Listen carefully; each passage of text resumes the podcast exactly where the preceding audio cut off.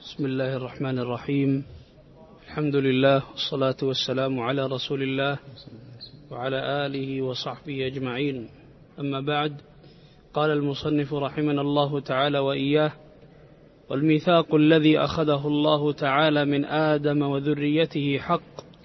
الحمد لله رب العالمين وصلى الله وسلم على عبده ورسوله نبينا محمد وعلى آله وصحبه أجمعين. أما بعد ذكر رحمه الله تعالى الميثاق. وأهل العلم رحمهم الله تكلموا على هذا الميثاق عند قول الله عز وجل وإذ أخذ ربك من بني آدم من ظهورهم ذريتهم وأشهدهم على أنفسهم ألست بربكم؟ قالوا بلى شهدنا. أن تقولوا يوم القيامة إنا كنا عن هذا غافلين. أهل العلم رحمهم الله تعالى عند كلامهم على هذه الآية أكثر المفسرين على أن المراد بالميثاق هذا أن الله تعالى أخذ هذا الميثاق على بني آدم لما أخرجهم من صلبه عليه الصلاة والسلام أخرج هذه الذرية التي ذرأها سبحانه فنثرها بين يديه ثم كلمهم ألست بربكم؟ قالوا بلى شهدنا الآية. ورد بذلك آثار كثيرة جدا عن السلف رضي الله عنهم وهذا كما قلنا هو قول جمهور المفسرين. وردت بذلك أيضا أحاديث وأقوى ما ورد في هذا ما رواه الشيخان. عن أنس رضي الله عنه أن النبي صلى الله عليه وسلم قال يقال للرجل من أهل النار يوم القيامة أرأيت لو كان لك ما على الأرض من شيء أكنت مفتديا به؟ فيقول نعم. فيقول قد أردت منك أهون من ذلك. قد أخذت عليك في ظهر آدم ألا تشرك بي شيئا فأبيت إلا أن تشرك بي. القول الثاني أن المراد بهذا ليس الميثاق الذي ذكره أصحاب القول الأول وإنما المراد بهذا الميثاق أن الله تعالى فطر بني آدم على التوحيد كما في حديث كل مولود يولد على الفطرة. قالوا والآية ليس فيها ذكر لآدم إنما فيها ذكر للذرية.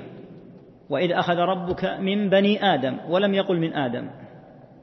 قال من ظهورهم ولم يقل من ظهره. إلى فروق أخرى كثيرة ذكرها الشارح رحمه الله تعالى. يقول الآية لم تتناول آدم وإنما تناولت بنيه. قالوا والمراد بقوله تعالى وأشهدهم على أنفسهم ألست بربكم؟ قالوا بلى شهدنا. قالوا المراد أنه تعالى أوجدهم سبحانه على ذلك شاهدين به حالا والشهادة تكون بالمقال وتكون بالحال. قال الله عز وجل ما كان للمشركين أن يش... ما كان للمشركين أن يعمروا مساجد الله شاهدين على أنفسهم بالكفر. قالوا فهذه الشهادة شهادة حالهم لا شهادة مقالهم. قالوا ويدل على أن الله تعالى جعل هذا الإشهاد ويدل على هذا القول الذي اختاروه أن المراد ما فطرهم عليه من توحيده أن الله تعالى جعل هذا الإشهاد حجة عليهم. قالوا فلو كان الأمر على ما قرره أصحاب القول الأول لكان كل واحد يذكر هذا الميثاق ليكون حجة عليه. قالوا ومعلوم أنه لا يذكره أحد. قالوا فدل على أن المراد بالميثاق هنا الفطرة التي فطروا عليها. قد مال إلى هذا ابن كثير رحمه الله تعالى ومال إليه الشارح بن أبي العز وعدد من أهل العلم. شيخ العلامة حافظ حكمي رحمة الله تعالى عليه في معارج القبول وهو كتاب نافع جدا. قال ليس بين القول الأول والقول الثاني معارضة ولا اختلاف. قال لأن هذه مواثيق ثابتة. في النصوص فالميثاق الأول عند إخراجهم من ظهر أبيهم وأشهدهم على أنفسهم ألست بربكم؟ قال هذا ميثاق مستقل. والميثاق الثاني هو ميثاق الفطرة وهو أن الله تعالى فطرهم شاهدين بما أخذه عليهم في الميثاق الأول كما قال سبحانه فأقم وجهك للدين حنيفا فطرة الله التي فطر الناس عليها فهذا الميثاق الثاني هو الذي ذكر في حديث ما من مولود إلا ويولد على الفطرة. قال وثمة ميثاق ثالث أيضا وهو الذي جاءت به الرسل عليهم الصلاة والسلام وأنزلت به الكتب تجديدا للميثاق الأول وتذكيرا به. وبه تعرف أن في المسألة هذين القولين والشيخ حافظ رحمة الله تعالى عليه رأى أن يجمع بين القولين وأنه ليس بين القولين تعارض وإنما هذا ميثاق أخذ على بني آدم وثمة ميثاق آخر وهو كون الله تعالى فطرهم على التوحيد. وليست المسألة مسألة إما أن يكون هذا القول أو ذاك القول قال يمكن أن يجمع. فيقال إن ثمة أكثر من ميثاق أخذ عليهم رحمه الله وغفر الله له. نعم. أحسن الله إليك. قال وقد علم الله تعالى فيما لم يزل عدد من يدخل الجنة وعدد من يدخل النار جملة واحدة فلا يزاد في ذلك العدد ولا ينقص منه. هذا العدد الذي ذرأه الله عز وجل من عباده منهم من خلقهم للجنة فضلا منه ونعمة ورحمة ويسرهم لها. واستعملهم في أعمالها التي توصلهم بعد فضله إليها. ومنهم والعياذ بالله من هم مستعملون في عمل أهل النار يعملون ويكدحون إلى أن يصلوا إليها. عدد أهل الجنة الله تعالى يعلمه. إذ لا يعزب عن علمه تعالى مثقال ذرة في السماوات ولا في الأرض. وهكذا من يدخل من يدخل النار. يعلمهم سبحانه وتعالى والله تعالى قد أخبر أن عباده هؤلاء لا يعزب عنه منهم أحد. لقد أحصاهم وعدهم عدا وكلهم آتيه يوم القيامة فردا. فأهل الجنة معلومون معروفون عنده سبحانه وتعالى. وأهل النار معلومون معروفون عنده سبحانه وتعالى. هو الذي خلقكم فمنكم كافر ومنكم مؤمن. فأهل الكفر إلى النار وأهل الإيمان إلى الجنة. فهذا داخل في أمر القدر وعلم الله عز وجل السابق. وقلنا إنه رحمه الله تعالى فرق الكلام في موضوع القدر تفريقا كثيرا. وسيأتي إن شاء الله تعالى الكلام عليه عند الموضع الطويل الذي ذكر فيه القدر حتى يتكلم عن القدر مرة واحدة إن شاء الله. نعم. حسن الله عليك قال وكذلك أفعالهم فيما علم منهم أن يفعلوه. هذا مرتب على ما قبله. هو قد علم أن هؤلاء في الجنة. وعلم أفعالهم التي سيفعلون. علم أنهم سيعملون كذا وكذا كما قال عز وجل فأما من أعطى واتقى وصدق بالحسنى فسنيسره لليسرى. وأما من بخل واستغنى وكذب بالحسنى فسنيسره للعسرى. فاستعمل هؤلاء في عمل أهل الجنة فهم إلى الجنة بعد رحمته. واستعمل هؤلاء في عمل أهل النار فهم إلى النار بعدله تعالى. نعم. قال وكل ميسر لما خلق له والأعمال بالخواتيم والسعيد من سعد بقضاء الله تعالى والشقي من شقي بقضاء الله تعالى. كل من هؤلاء قد يسره الله تعالى واستعمل في العمل كما في آية فأما في آيات سورة الليل فأما من أعطى واتقى وصدق بالحسنى فسنيسره لليسرى. مستعملون فهم يعملون ويدأبون إلا من شاء الله أن تتغير خاتمته. فمن شاء الله تعالى أن يكون في آخر أمره إلى الجنة. وإن كان عاملا بعمل أهل النار فإنه ولو مكث أكثر عمره على الكفر فإنه ينتقل بأمر الله عز وجل ورحمته وتفضله على عبده هذا ليكون مسلما فيدخل الجنة ويعمل بعمل أهل الجنة ولو في آخر عمره. ويحدث عياذا بالله العكس.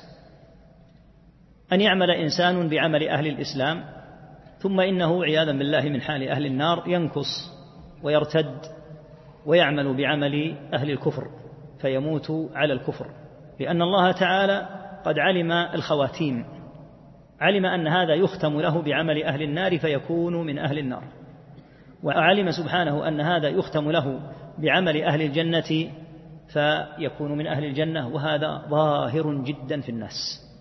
تجد أناسا يسلمون في أقاصي الأرض وقد يسلم الواحد منهم بأمر الله عز وجل لسبب لا يتخيله أحد لأن الله جعل لإسلامه سببا.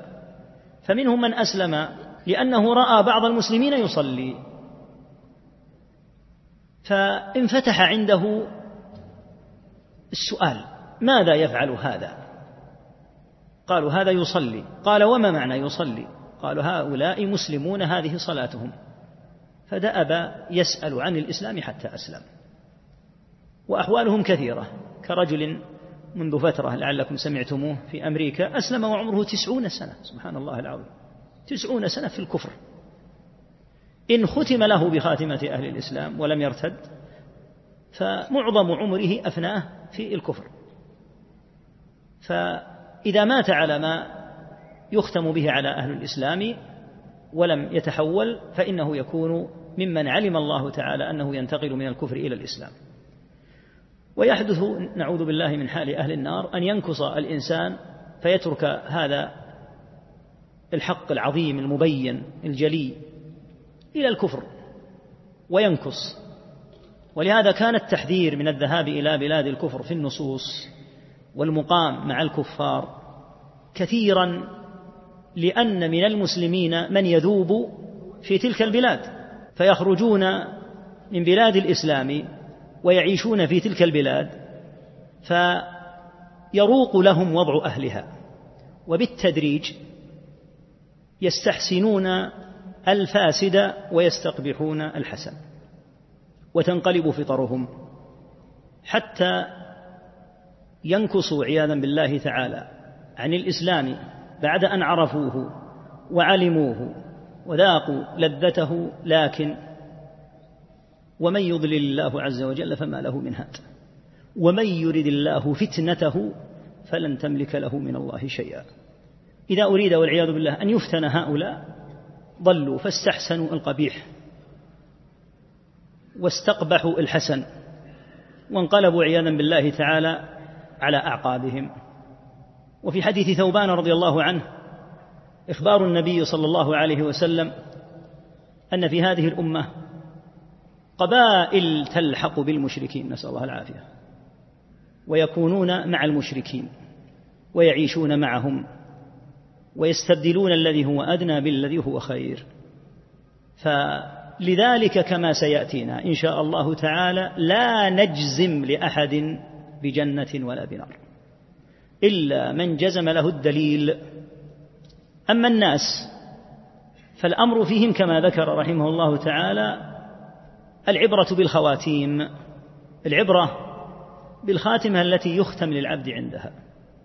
فإذا ختم له بعمل أهل الجنة فإنه لو أمضى عمره في حرب الإسلام وأهله ثم ختم له بخاتمة حسنة انتقل من كفره وضلاله إلى الإسلام فإنه يختم له بالحسنى والعكس بالعكس. وقد جاء عنه عليه الصلاة والسلام أنه في بعض الغزوات كان معه رجل أبلى بلاء شديدا. وقتل في الكفار مقتلة عظيمة لا يرى فيهم شاذة ولا فاذة إلا انطلق إليها. فقال بعض الصحابة رضي الله عنهم ما أبلى أحد ما أبلى فلان. يعني اليوم. فقال عليه الصلاة والسلام هو في النار. نسأل الله العافية والسلامة. قال رجل لأرقبنه. النبي صلى الله عليه وسلم حين قال في النار لم يقله إلا من وحي. صلوات الله وسلامه عليه. فتبعه هذا الصحابي وصار ينظر إليه ما يفعل. في أثناء المعركة أصابته جراحة هذا الجريء الشجاع فوضع سيفه في الأرض واتكأ عليه عياذا بالله وانتحر. فجاء الرجل وأخبر النبي صلى الله عليه وسلم بذلك فعرف بذلك أنه نسأل الله العافية ما كان يقاتل في سبيل الله. فقال عليه الصلاة والسلام إنما الأعمال بالخواتيم العبرة بالخاتمة نسأل الله حسن الخاتمة. فالاعتبار بالخواتيم في النهاية وإلا فقد يظهر من الإنسان خير كثير جدا ثم إنه ينكص ويتقهقر نعوذ بالله من حال أهل النار. والعكس بالعكس. خالد بن الوليد سهيل بن عمرو عكرمة بن أبي جهل أبو سفيان رضي الله عنهم وأمثالهم فعلوا في أول الإسلام أفاعيل عظيمة جدا. وما كان منهم في موقعة أحد من التشفي بالمسلمين والإجهاز على جرحاهم وقتلهم وسعيهم الدؤوب هم مع عموم كفار قريش لقتل رسول الله صلى الله عليه وسلم شيء عظيم من المضي في الكفر والفجور والعتو. ولهذا لما دعا النبي صلى الله عليه وسلم على عدد منهم كسهيل وعكرمة ولعنهم في الركعة الثانية من صلاة الفجر بعد موقعة أحد أنزل الله علام الغيوب ليس لك من الأمر شيء. لأن الله يعلم أنه يعلم أنهم سيسلمون. ليس لك من الأمر شيء. أو يتوب عليهم أو يعذبهم فإنهم ظالمون. ثم إن الله تعالى كتب لهم الإيمان والهدى وانطلقوا رضي الله تعالى عنهم ليكفروا وليغسلوا تلك الحوبات وذلك الكفر والفجور الذي عملوه من الصد عن سبيل الله وسعوا لأن يجعلوا في الإسلام من نصرة الله ونصرة رسوله صلى الله عليه وسلم ما يكفر عنهم به مما وقع. وهكذا وضعك الآن. فقد تجد أناسا فيهم من الشر والفساد والفجور والسعي للإفساد في بلاد المسلمين فليس لك أن تشهد بأنهم من أهل النار. ولا أن تقول إن الله تعالى لا يغفر لهم ما داموا من المسلمين. وحتى الكفار ما دام حيا فلا تستطيع أبدا أن تجزم بأنه يكون من أهل النار. لأن الله تعالى عنده علم الخواتيم وهذا مما هو به أعلم من عباده سبحانه وتعالى. ولهذا حتى الملائكة عليهم الصلاة والسلام لما أخبرهم رب العالمين أنه جاعل في الأرض خليفة قالوا أتجعل فيها من يفسد فيها ويسفك الدماء ونحن نسبح بحمدك ونقدس لك؟ قال إني أعلم ما لا تعلمون. فالأمور المتعلقة بغيب الله وبحكم الله على عباده وبمآلات الأمور إليه وحده لا شريك له إذ هو علام الغيوب. ويأتينا إن شاء الله تعالى الكلام على أمر الشهادة لأحد بالجنة أو بالنار. قال والسعيد من سعد بقضاء الله. إذا سعد فهو بتوفيق الله ورحمة الله تعالى له وتيسير الله عز وجل السعادة له. والشقي من شقي أيضا بقضاء الله فإنه لا يشقى أحد ولا يسعد أحد إلا بقضاء الله تعالى وقدره. نعم. صلى الله عليكم. قال وأصل القدر سر الله تعالى في خلقه. لم يطلع على ذلك ملك مقرب ولا نبي مرسل. والتعمق والنظر في ذلك ذريعة الخذلان وسلم الحرمان ودرجة الطغيان. فالحذر كل الحذر من ذلك نظرا وفكرا ووسوسة. فإن الله تعالى طوى علم القدر عن, أنام عن أنامه ونهاهم عن مرامه. كما قال تعالى في كتابه لا يسأل عما يفعل وهم يسألون. فمن سأل لم فعل فقد رد حكم الكتاب. ومن رد حكم الكتاب كان من الكافرين. هذا من أطول المواضع التي ذكر فيها القدر رحمه الله تعالى وقلنا إنه فرقه في عدة مواضع. نتكلم الآن إن شاء الله تعالى عما يتعلق بالقدر من خلال الكلام على النصوص الواردة في الكتاب والسنة في أقسام هذه النصوص. إذا عرفت أقسام النصوص الواردة في القضاء والقدر عرفت مجمل ما يقال في عقيدة القضاء والقدر. النصوص الواردة في القضاء والقدر ثلاثة أقسام. القسم الأول إثبات ما يتعلق بالرب تعالى. والقسم الثاني إثبات ما يتعلق بمسؤولية العبد. والقسم الثالث النهي عن الجدال والنزاع الباطل في القضاء والقدر. النصوص الواردة كما ذكرنا بهذه الأقسام. هناك نصوص تثبت في أمر القدر أمورا تتعلق بالله تعالى. هناك نصوص تثبت أمورا تتعلق بالعبد. أين يأتي الخلل؟ وكيف نشأت الفرق الضالة؟ كيف نشأت الفرق الضالة؟ من خلال التركيز على قسم وترك القسم الآخر. فيأتي من يركز على القسم المتعلق بالرب فقط ويغفل القسم المتعلق بالعبد. ويأتي طائفة ضالة أخرى تركز على القسم المتعلق بالعبد وتغفل القسم المتعلق بالرب. فيكونون من الذين آمنوا ببعض الكتاب وكفروا ببعض. ولهذا كان من قواعد أهل السنة الكبار التي ميزتهم في سائر أبواب الدين أنهم يجمعون جميع النصوص لأن كل النصوص حق. النصوص في القرآن وما ثبت في السنة كله حق ولا يعارض بعضه بعضا. نعود إلى القسم الأول وهو المتعلق بالرب. القسم الأول المتعلق بالرب فيه إثبات مراتب القدر الأربع. المرتبة الأولى أن الله تعالى علم كل شيء جملة وتفصيلا. المرتبة الثانية أن الله تعالى كتب ذلك في اللوح المحفوظ. المرتبة الثالثة أنه ما من شيء يكون من خير أو شر إلا بمشيئة الله تعالى. المرتبة الرابعة أنه ما من شيء إلا والله خالقه. هذه المراتب الأربعة أدلتها في القرآن كثيرة جدا وقد تذكر في الآيات مرتبتان في آية واحدة وتذكر المرتبة الواحدة في عدة آيات. وهي كثيرة في كتاب الله عز وجل.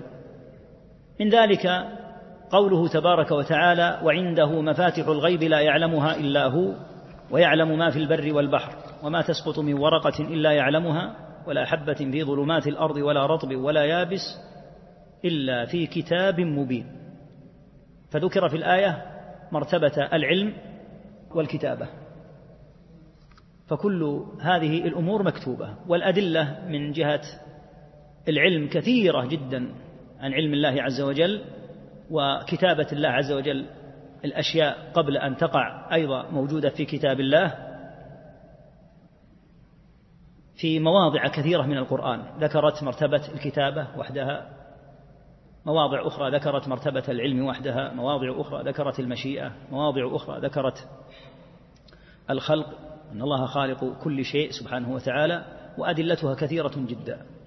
من أحسن ما صنف في هذا الباب كتاب الحافظ ابن القيم رحمه الله تعالى شفاء العليل في مسائل القضاء والقدر والتعليل. كتاب نفيس جدا ينبي عن مدى علم هذا الرجل رحمة الله تعالى عليه. استقصى فيه النصوص وقسم ما يتعلق بالقدر إلى أقسام وأبواب وذكر النصوص من الكتاب والسنة وآثار السلف الصالح رضي الله تعالى عنهم وأرضاهم. العبد يجب أن يثبت لله هذه الأمور. أنه لا يقع شيء بتاتا إلا عن علم الله سبحانه وتعالى. حتى الأشياء الدقيقة التفصيلية. هذه الأشياء التي علمها ربك تعالى قد كتبها في كتاب مبين. ما من شيء إلا وقد كتب في اللوح المحفوظ. حتى الأشياء اليسيرة الدقيقة. إن ذلك على الله يسير. المشيئة الله تعالى يشاء ما من تحريكة ولا تسكينة تقع إلا بمشيئته. وها هنا مسألة يجب أن تضبط يزل فيها العامة وهو أنهم يقولون إن الله يقدر الخير أما الشر فلا يقدره وهذا خطأ كبير. الله تعالى يقدر كل شيء. ولو كان الله لا يقدر الشر لكان هناك من يقدره غيره. فإذا كان هناك من يقدره غيره فهو رب. نسأل الله العافية والسلامة. لكن العامة لا يتصورون هذا الكلام. يظنون أنهم ينزهون الله بهذا. في حديث جبريل وتؤمن بالقدر خيره وشره من الله تعالى. فيسأل العامة عادة إذا لماذا يقدر الله الشر؟ يقال يقدر الله تعالى الشر لحكمة. ولا يقدره تعالى عبثا. ويضرب لهم هذان المثالان دائما. المثال الأول تقدير النصر يوم بدر. هذا من الخير الذي قدره الله تعالى قطعا. المثال الثاني تقدير الله تعالى للهزيمة يوم أحد. وقد وقعت بالمسلمين هزيمة يوم أحد بسبب أن الرماة رضي الله تعالى عنهم وأرضاهم لما أمرهم النبي صلى الله عليه وسلم أن يلزموا مكانهم وأن لا يبرحوه حتى وإن رأيتمونا تتخطفون الطير. إن رأيتمونا ظهرنا عليهم فلا تأتوا وإن رأيتموهم ظهروا علينا فلا تعينوننا. هكذا أمرهم عليه الصلاة والسلام لأن جبل الرماة يشرف على مكان الحرب ويخشى أن يأتي العدو من جهته فإذا أتى العدو من جهته تكون لهم الغلبة في الغالب لأنه يكون من علو. فالرماة عليهم رضوان الله لما انتهت الحرب في الظاهر وولى المشركون الدبر كما قال تعالى ولقد صدقكم الله وعده إذ تحسونهم بإذنه. فظنوا عليهم رضوان الله أن المعركة انتهت. فقال أميرهم ابن جبير رضي الله عنه إن النبي صلى الله عليه وسلم أمركم ألا تبرحوا. فرأوا أن مراد النبي صلى الله عليه وسلم ألا يبرحوا ما دامت الحرب قائمة. أما والعدو الآن قد ولى فالحرب انتهت. فرأى خالد قبل إسلامه رضي الله عنه مكان الرماة قد فرغ فعاد بالجيش من جديد ورجع على المسلمين وحصل ما سماه الله تعالى بالمصيبة. أولما أصابتكم مصيبة قد أصبتم مثليها قلتم أن هذا قل هو من عند أنفسكم أي بسببكم. ثم قال إن الله على كل شيء قدير وما أصابكم يوم التقى الجمعان فبإذن الله. أي أن الله تعالى هو الذي كان هذا عن إذنه ومشيئته سبحانه. والسبب وما أصابكم من مصيبة فبما كسبت أيديكم يعني أنتم السبب لما عصيتم رسول الله صلى الله عليه وسلم. قال تعالى أولما أصابتكم مصيبة قد أصبتم مثليها قلتم أن هذا قل هو من عند أنفسكم. يعني أنتم السبب فيه ثم قال إن الله على كل شيء قدير هو الذي قدر كل شيء ومنه تقدير هذه الهزيمة. فدل على أن الله تعالى يقدر الخير بلا شك ويقدر الشر بلا شك ولكنه لا يقدر شرا محضا لا حكمة فيه فإنه تعالى حكيم يوقع الأمور مواقعها. ومنه حال المسلمين اليوم فحال المسلمين اليوم لا شك أنه حال لا يسر من يؤمن بالله واليوم الآخر. لا من جهة تسلط عدوهم وضعف ضعفهم وهوانهم على كل أحد. السبب ما ذكر الله سبحانه وتعالى. ظهر الفساد في البر والبحر بما كسبت أيدي الناس ليذيقهم بعض الذي عملوا. لعلهم يرجعون. هذه الحكمة. فالله تعالى لا ينصر إلا من نصره. قال تعالى ولينصرن الله من ينصره. إن الله لقوي عزيز. من هم؟ الذين إن مكناهم في الأرض أقاموا الصلاة وآتوا الزكاة وأمروا بالمعروف ونهوا عن المنكر ولله عاقبة الأمور. هؤلاء هم الذين وعدهم الله بالتمكين. فإذا أخل بالصلاة وأخل بالزكاة وأخل بالأمر بالمعروف وبالنهي عن المنكر فلولا حلم الله لرأيت أشد وأشد مما ترى. لكن الله له صفة الحلم والصفح والعفو. وإلا حال المسلمين لا شك أنه حال في التعامل مع الله. حال لولا حلم الله لكانوا على أسوأ مما هم عليه. لكن الله تعالى حليم. ألا ترى يا أخي صلاة الفجر؟ الذين إن مكناهم في الأرض أقاموا الصلاة. أول ما ذكر الله هنا الصلاة. أهذه صلاة تكون بين أهل الإسلام؟ البيوت مملوءة بأهلها السيارات مملوءة بها الحارات. ما نقول يمكن أنه في عمل إلا القليل الذين يعملون في مثل هذا الوقت. أين الناس في صلاة الفجر؟ أين شرط التمكين الأول؟ الذين إن مكناهم في الأرض أقاموا الصلاة. وهكذا الزكاة وعبث العابثين بها. وهكذا الأمر بالمعروف والنهي عن المنكر. الذي يعده من لا يستحون ولا يخجلون يعدونه تدخلا في شؤون الناس. مالك ومال الناس؟ اترك الناس. كيف أترك الناس؟ إذا لم آمر بالمعروف وأنهى عن المنكر عوقبت أنا وإن لم أفعل المنكر وإن فعلت المعروف. الأمر بالمعروف والنهي عن المنكر شعيرة قد فرط فيها. فلولا الحلم من الله عز وجل والصفح والغفران لكان الوضع أشد. فيقدر الله تعالى هذا حتى يرجع الناس كما قال تعالى ظهر الفساد في البر والبحر بما كسبت أيدي الناس ليذيقهم بعض الذي عملوا لما يا ربي؟ لعلهم يرجعون. حتى إذا ضاقت بهم السبل من تسلط الأراذل في الأرض عليهم وضعف حالهم وهوانهم قالوا أين المخرج؟ قيل المخرج إلى الله ففروا إلى الله. فإذا عادوا إلى الله عاد الله تعالى عليهم بالنصر. قد جعل الله ما وقع في أحد عبرة إلى قيام الساعة. فإن الذي أصاب المسلمين من المصيبة وقع والنبي صلى الله عليه وسلم فيهم. إذا فلا ينتظر العصاة بتاتا. إذا عصوا الله عز وجل لا ينتظر النصر. فإنه إذا وقعت الهزيمة مع وجود النبي صلى الله عليه وسلم حتى كاد الكفار أن يقتلوه لولا أن الله عز وجل حماه ولولا استئساد الصحابة رضي الله عنهم بعد الله عز وجل في الذود عنه. فقد سعى المسلمون الكفار بكل ما أمكنهم لقتله صلى الله عليه وسلم. لكن الله تعالى حماه حتى تكون عبرة. فيقول المسلمون إذا كانت المعصية الواحدة التي وقعت يوم أحد حصل منها هذا المصاب كله الذي سماه الله مصيبة إذا فنحن من باب أولى وعندنا من المعاصي ليل نهار ألوان وأشكال. هذه هي الحكمة العظيمة من تقدير الله عز وجل للشر وإلا فهو تعالى لا يقدر شرا محضا. لا حكمة فيه يقدر الشر ويكون ذلك لحكمة فتقدير الشر والخير كله من الله عز وجل. إذا علمنا بذلك ما يتعلق بالرب. القسم الأول إثبات أن الله تعالى علم كل شيء جملة وتفصيلا. إثبات أن الله تعالى كتب ذلك كله في اللوح المحفوظ. الثالثة أن الله تعالى شاء كل شيء من خير أو شر ولا يقع في ملكوته سبحانه وتعالى إلا ما يريد. الأمر الآخر أن جميع هذه الكائنات وجميع ما يكون فالله خالقه. هل من خالق غير الله؟ الله خالق كل شيء. هذا هو القسم الأول المتعلق بالرب. القسم الثاني المتعلق بالعبد. إذا أثبتنا القسم الأول المتعلق بالرب تعالى فلا يعني ذلك أن العبد صار خلوا من المسؤولية. فله أن يترك الواجبات ويقارف المحرمات. لا. لأن الله تعالى جعل للعبد مشيئة واستطاعة وربط سبحانه وتعالى بها الجزاء في الدنيا وفي الآخرة. فالعبد له استطاعة كما قال تعالى فاتقوا الله ما استطعتم. وله مشيئة كما قال الله تعالى لمن شاء منكم أن يستقيم.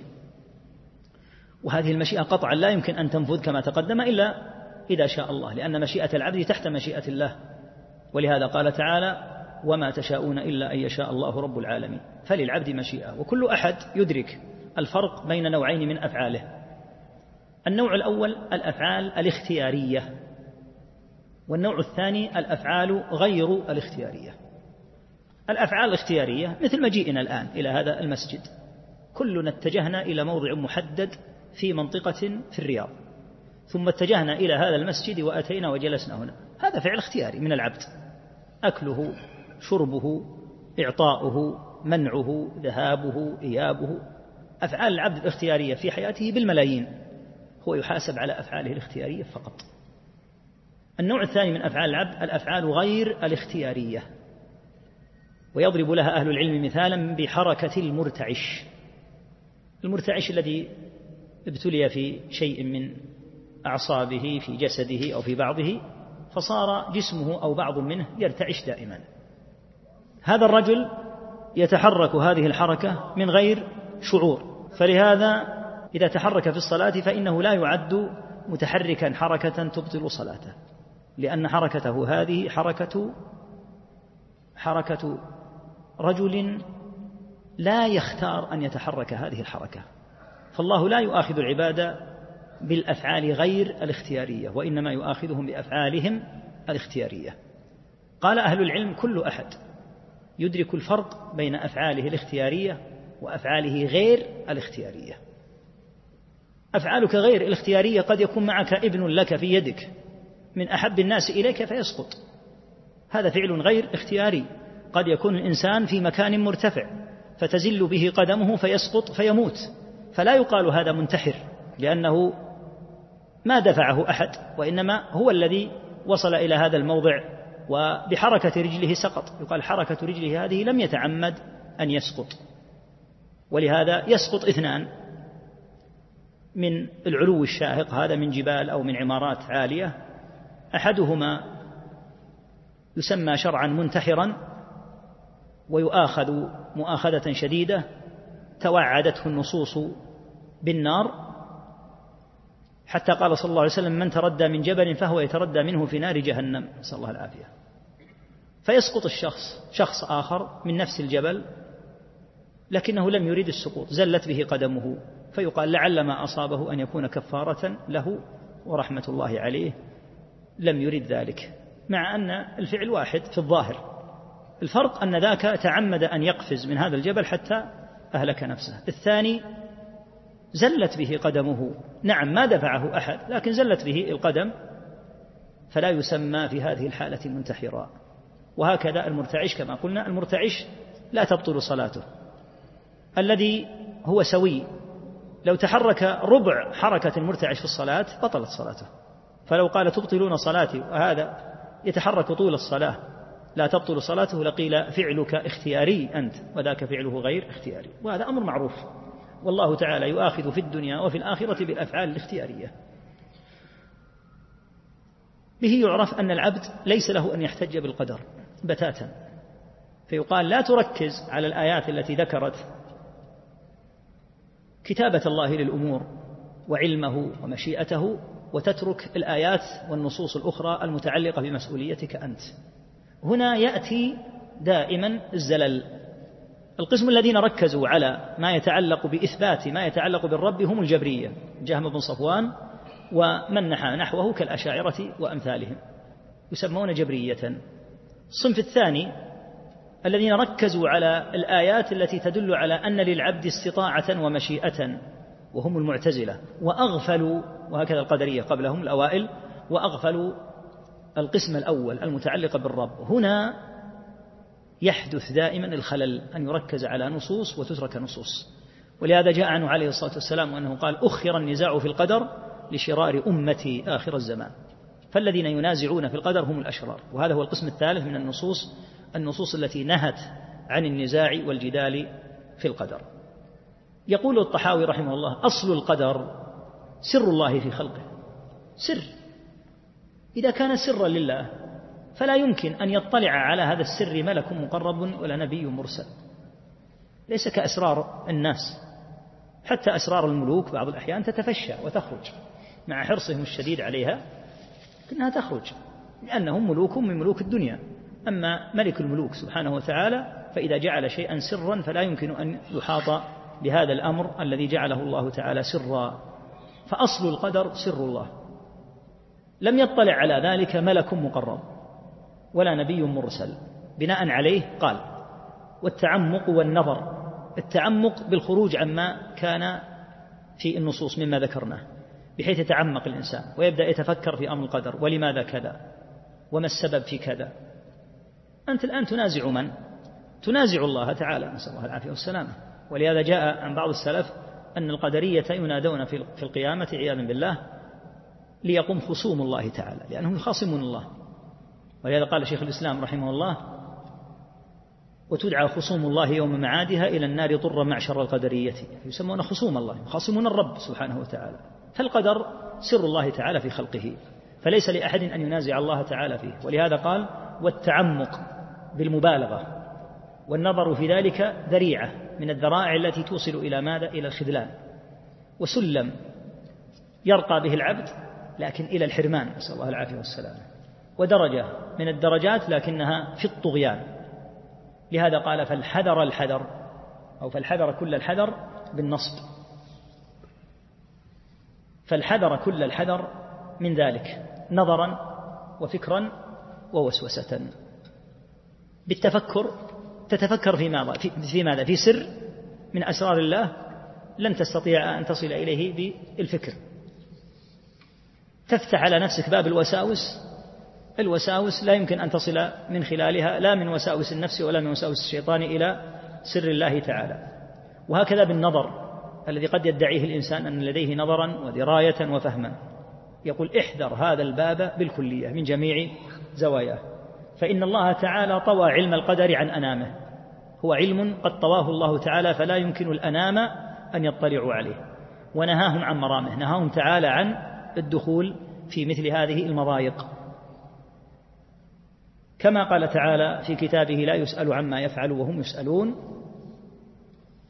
فمن سأل لما فعل. الرب تعالى لا يقال له لما يا ربي ولا يقال كيف. قال الشافعي رحمه الله الأصل قرآن وسنة ولا يقال للأصل لما ولا كيف. لا يقال لما يا رب أمرت بكذا ولا يقال في صفات الله ولا في ما يتعلق بأحكامه ولا أقداره كيف؟ هذا إليه تعالى وحده وتمت كلمة ربك صدقا وعدلا. من قال لما فعل على سبيل التمنع والعناد للكتاب فإنه يكون قد رد حكم الكتاب والذي يرد حكم الله تعالى يكون من الكافرين. والكلام على التكفير إن شاء الله تعالى يأتي في بابه. هذا الكلام من حيث العموم الحقيقة وإلا الكلام في موضوع القدر مثل ما ذكرنا إن شاء الله تعالى إذا ضبط ما يتعلق بالرب وما يتعلق بالعبد يبقى القسم الأخير التحذير من المنازعات والمخاصمات في أمر القدر. فالقدر ليس محلا للنزاع والمجادلات وإنما هو محل لمعرفة الإيمان بالقدر. تعرف مراتب القدر تعرف ما الذي يتعلق بالرب ما الذي يتعلق بالعبد نعم. أما ما سوى ذلك فلا يحل. ولا تجوز المنازعات فيه. ولهذا كما قال صلى الله عليه وسلم أخر النزاع في القدر لشرار أمتي. فلا يتكلم فيه إلا الأشرار. وفرق النزاع في القدر هم أشرار الأمة. ومن أخبث ما فعلوا هذا النزاع. فقد سببوا للعامة تشويشا شديدا. وسببوا نوعا من أنواع الاضطراب لدى كثير من الجهال مع أن موضوع القدر ليس بحمد الله بالموضوع العسر. إذا عرف المسلم الأنواع السابقة في النصوص وآمن بها مع علمه بأن ثمة غيبا لا يحيط به إلا الله فإنه يقر بهذه المسألة ولا يريد هذه الإشكالات. ولهذا جاء عنه عليه الصلاة والسلام أن بعض أصحابه رضي الله عنهم مرة واحدة لم يعودوا لها. اختصموا في القدر. يقول الراوي هذا ينزع بآية وهذا ينزع بآية يعني كأن واحدا منهم ينزع بآية من القسم الأول المتعلق بالرب وذاك يرد بآية من القسم الثاني المتعلق بالعبد. فخرج صلى الله عليه وسلم محمر الوجه غضبان يقول الراوي كأنما يفقأ في وجهه حب الرمان حب الرمان أحمر. اشتد احمرار وجهه عليه الصلاة والسلام وجاء في بعض الروايات أنه أخذ ترابا وحثاه عليهم مع علمه صلى الله عليه وسلم أنهم خير الناس. لكن من باب الزجر والأدب وقال بهذا أهلكت الأمم من قبلكم. إن القرآن لم ينزل يكذب بعضه بعضا بل يصدق بعضه بعضا فما عرفتم منه فاعملوا به وما جهلتم فكلوه إلى عالمه. النزاع على هذا النحو قد يشعر الجاهل أن هذه الآية ضد لتلك الآية.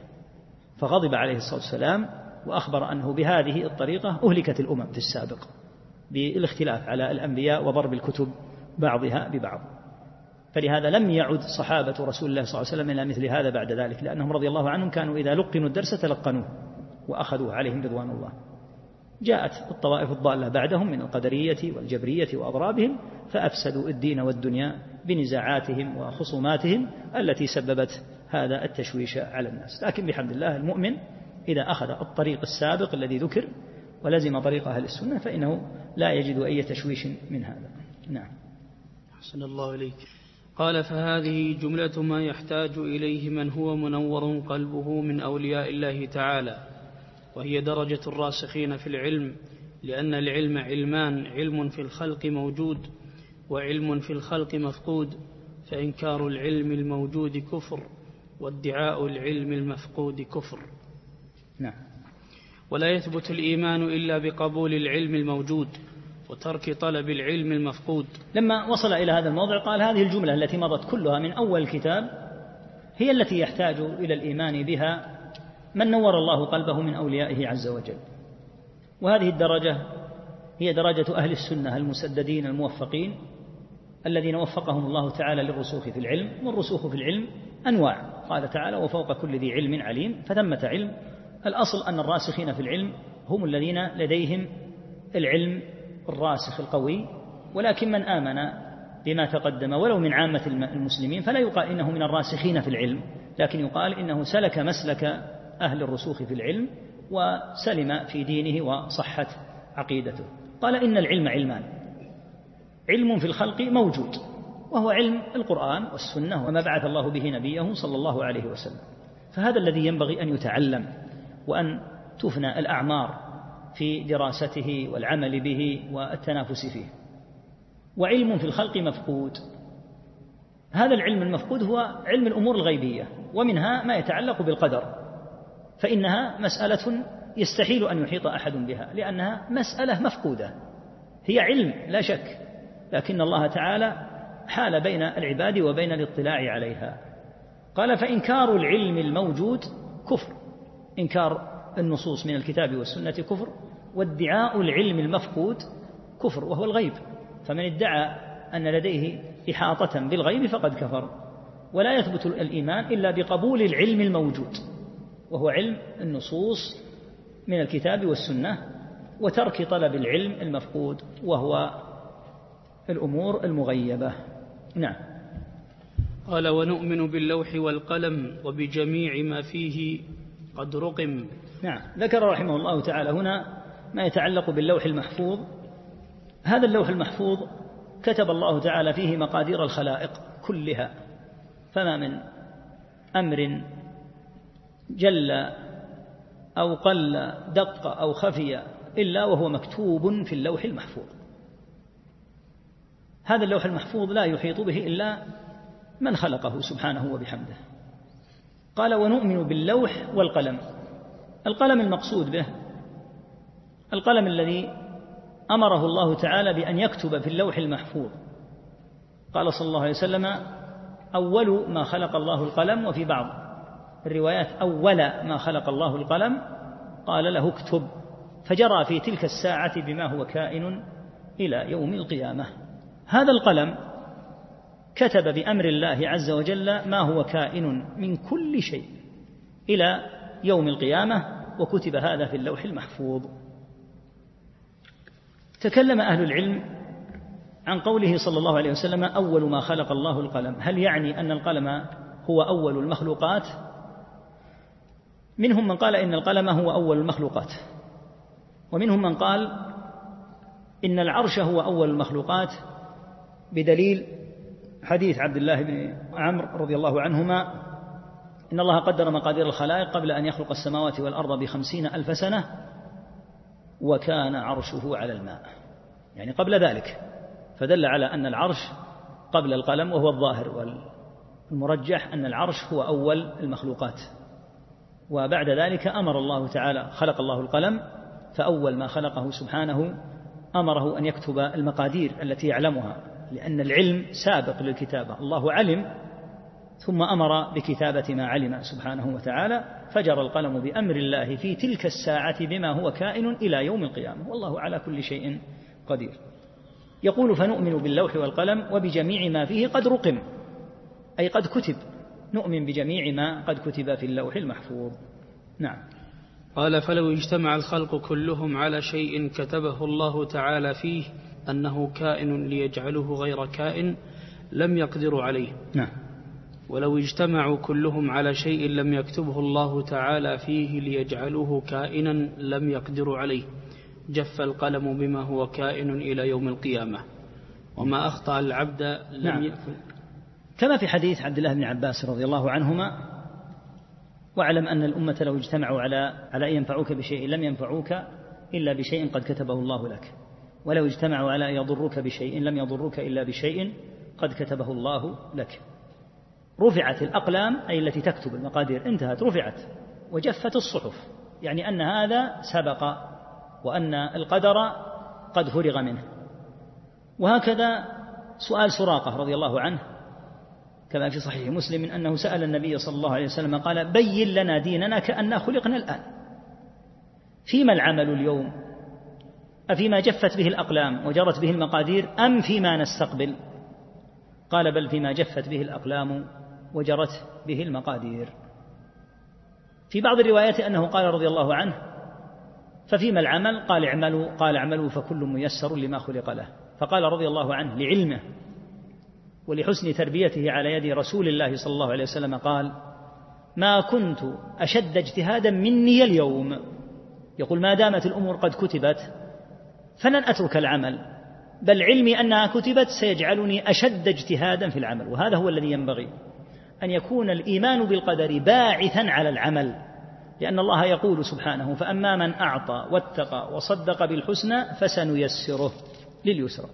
فاعمل واتكل على الله عز وجل وأحسن به الظن سبحانه وتعالى واجتهد في ذلك حتى ييسرك الله تعالى لليسرى. وأما من بخل واستغنى وكذب بالحسنى فإلى أين يذهب؟ ركب دربا يوصله إلى النار عياذا بالله. فسنيسره للعسرى. وقد جعل الله تعالى للجنة دربا من ركبه متكلا على الله محسنا به الظن. فإنه بإذن الله تعالى وفضله ورحمته يصل إلى الجنة. أما من ركب الدرب الذي يوصل إلى النار وقال إن كنت من أهل الجنة صرت إلى الجنة فهو كذاب أشر. لأنه لا يفعل هذا إلا في أمور الدين ولا يفعله في أمور الدنيا. قال أهل العلم كما أن في الدنيا أسبابا توصل إلى نتائج فإن الجنة والنار نتائج لأسباب هي الأعمال.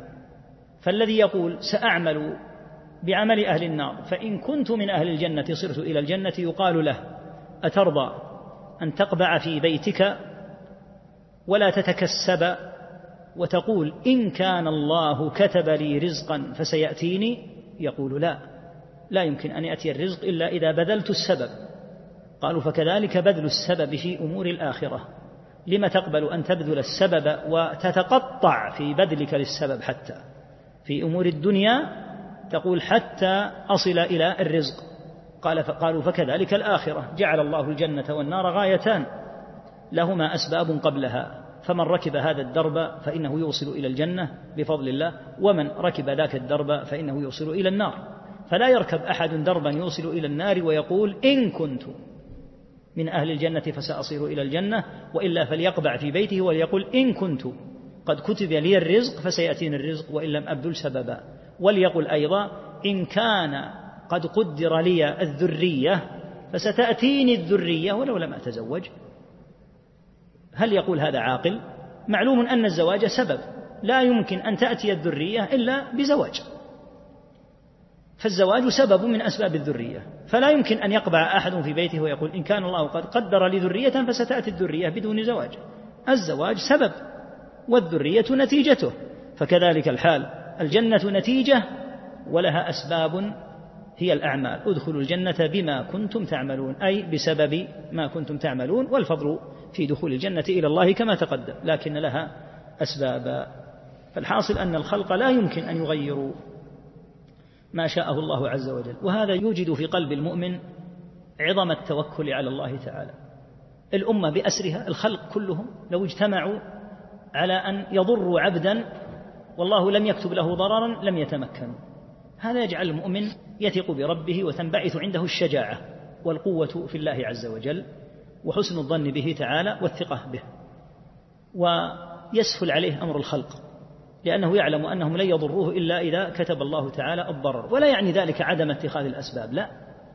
لا شك أن ذلك مربوط باتخاذ الأسباب لكنه يعني ربط القلب بالله تعالى. نسأل الله الكريم فضله. وهكذا لو اجتمع الخلق كلهم على أن ينفعوا أحدا لم ينفعوه. وهذا كما تلاحظ الكبراء من الملوك وغيرهم يجتمع عندهم في مرض وفاتهم كبار الأطباء في العالم.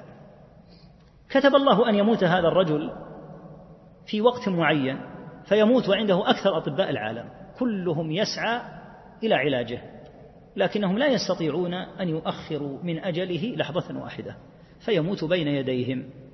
لو اجتمعوا على أن ينفعوك بشيء لم ينفعوك إلا بشيء قد كتبه الله لك. وهكذا لو اجتمعوا على أن يضروك لم يضروك إلا بشيء قد كتبه الله.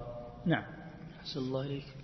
قال وما أخطأ العبد لم يكن ليصيبه وما أصابه لم يكن ليخطئه. الشيء الذي أصابك يستحيل استحالة تامة أن يخطئك.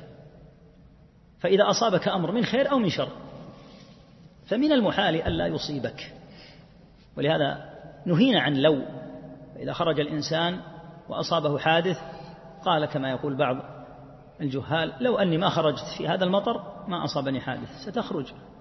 هذا أمر قد قدر لك وقد تنبعث لسبب يطرأ طروءا حتى تخرج لما كتبه الله فلا يمكن إلا أن يصيبك ما كتب الله لا يمكن أن يخطئك. ولهذا لما قال من قال من الكفار الذين قالوا لإخوانهم وقعدوا لو أطاعونا ما قتلوا أو من المنافقين. قال تعالى قل فادرأوا عن أنفسكم الموت إن كنتم صادقين. إن كنت صادقا فادرأ عن نفسك الموت أنت. أنت كأنك تقول إني اتخذت سببا منع من أن أقتل وذاك لم يتخذه فقتل. قال تعالى فادرأ عن نفسك الموت. الموت سيأتي وله سبب. فادرأ عن نفسك الموت إن كنت ذا حذق وذا دراية وقدرة على أن ترد عن نفسك الموت. الشيء الذي يصيب الإنسان لا بد أن يصيبه لا يمكن أن يخطئه. والذي أخطأك ولم يصبك يستحيل أن يصيبك من خير أو من شر.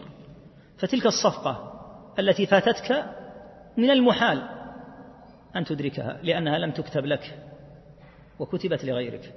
وذلك الحادث الذي نجوت منه أو تلك الرصاصات التي مرت ولم يكن بينك وبينها إلا أقل المسافات من المحال أن تصيبك. لأن الله كتب ألا تصيبك. فلا تقل لو أني كنت متقدما أو متأخرا لأصابتني. هي لن تصيبك لأن الله كتب ألا تصيبك. ولهذا ما أخطأ العبد فإنه لا يمكن أن يصيبه. وما أصابه فإنه لا يمكن أن يخطئه. نعم. قال وعلى العبد أن يعلم أن الله قد سبق علمه في كل كائن من خلقه. فقدر ذلك تقديرا محكما مبرما ليس فيه ناقض ولا معقب ولا مزيل ولا مغير ولا ناقص ولا زائد من خلقه في سماواته وأرضه. هذا من باب مزيد الشرح لكل ما تقدم. ما دام العلم الإلهي قد سبق ولا بد أن يقع فإنه لا بد أن يقع ما قدره الله تعالى. ولا يمكن أن ينقض ولا أن يعقب على أمره تعالى ولا أن يغير ولا أن يحول ولا أن ينقص منه ولا أن يزاد فيه. فكل هذا كأنه من قبيل الشرح.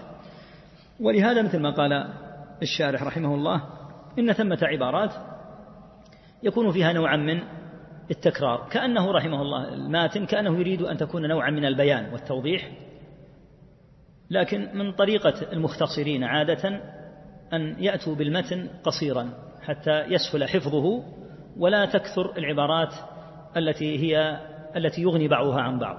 وإلا فهذه فهذا الموضع يغني عنه ما تقدم. نعم. قال وذلك من عقد الإيمان وأصول المعرفة والاعتراف بتوحيد الله تعالى وربوبيته كما قال تعالى في كتابه وخلق كل شيء فقدره تقديرا وقال تعالى وكان أمر الله قدرا مقدورا. وذلك أي ما تقدم من الكلام على الإيمان بالقدر من من الإيمان من إيمان العبد ومن معرفته بربه تعالى. أصل عظيم من أصول المعرفة القدر. والقدر مرتبط بالربوبية. الإيمان بالقدر مرتبط بالربوبية لأن القدر هو قدرة الله. القدر كما قال الإمام أحمد هو قدرة الله تعالى. فالإيمان به إيمان في الربوبية. ولهذا الذين أشركوا في أمر القدر وقع منهم شرك في الربوبية. فالقدرية معدودون في المشركين شركا في الربوبية عياذا بالله. ومن أغلظ وأقبح الشرك. فالإيمان بالقدر لا شك أنه من إيمانك بربوبية الله تعالى. وذكر بعض الأدلة كقوله تعالى وخلق كل شيء فقدره تقديرا وهذه آية دالة على مرتبة الخلق وذكر ما يتعلق بالتقدير وكان أمر الله قدرا مقدورا. نعم. أحسن الله إليك. قال فويل لمن صار لله تعالى في القدر خصيما وأحضر للنظر فيه قلبا سقيما. لقد التمس بوهمه في فحص الغيب سرا كتيما وعاد بما قال فيه أفاكا أثيما نعم من جاء ليخاصم الله عز وجل فقلبه سقيم ولا يسلم في الآخرة إلا من أتى الله بقلب سليم. أما أهل القلوب السقيمة فالويل لهم في الدنيا مثل ما تقدم. من عذاب يصيبهم بهذه الحيرة العظيمة التي تقطعهم مع ما ادخر الله تعالى لهم من نقمته وعذابه في الآخرة وفي قبورهم. فالله تعالى لا يخاصم. يقول الرب عز وجل في الحديث ثلاثة أنا خصمهم ومن كنت خصمه خصمته.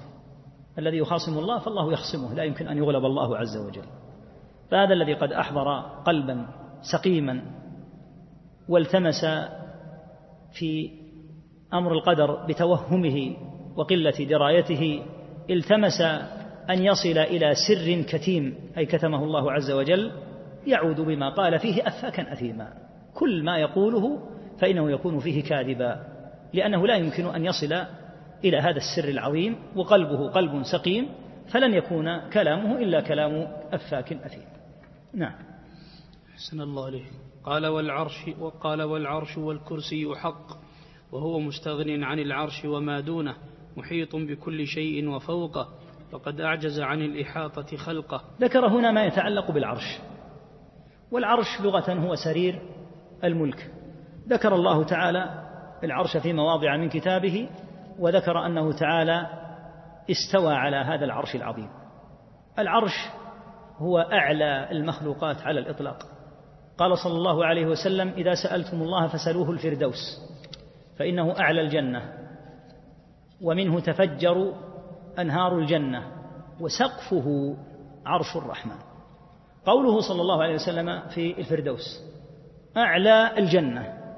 ثم يقول إن سقف هذا الأعلى سقفه هو العرش يدل على أن العرش فوق الفردوس. فالعرش أعلى المخلوقات. قد تقدم أن الله تعالى مستو على هذا العرش سبحانه وتعالى فالعرش حق. قد ذكره الله تعالى في مواضع من كتابه سبعة. ذكر استواءه عليه في كتابه في سورة الأعراف إلى سورة الحديد. ذكر استواءه على العرش في أكثر من آية. الرحمن على العرش استوى ثم استوى على العرش في مواضع من هذه السور. ومعنى الاستواء على العرش قد فسره السلف بما معناه أنه العلو والارتفاع على العرش أي أن الرب تعالى قد ارتفع على العرش. العرش هو مخلوق من هذه المخلوقات هو أعظم هذه المخلوقات ولا يقدر قدر العرش إلا الله عز وجل. فالعرش أكبر بكثير من هذه المخلوقات حتى السماوات والأرض إذا كان الله تعالى يقول في الكرسي الذي سيأتي الكلام عليه إن شاء الله تعالى وسع كرسيه السماوات والأرض والعرش أعظم من الكرسي. فما بالك بالعرش؟ لا يقدر قدره إلا الله تعالى. العرش هو سرير الملك في اللغة. هذا العرش له حملة يحملونه كما قال تعالى الذين يحملون العرش ومن فوقه الآية وأخبر عليه الصلاة والسلام عن عظم خلقة حملة العرش وذكر من هول خلقتهم حتى ذكر شيئا عجيبا عظيما جدا من كبر حجم الواحد من حملة العرش. حتى قال أذن لي أن أتحدث عن ملك من ملك من حملة العرش ما بين شحمة أذنه إلى عاتقه مسيرة كذا وكذا من المئات من الأعوام. لا يقدر قدر هذا إلا الله سبحانه وتعالى. ولهذا قال تعالى لقد رأى من آيات ربه الكبرى.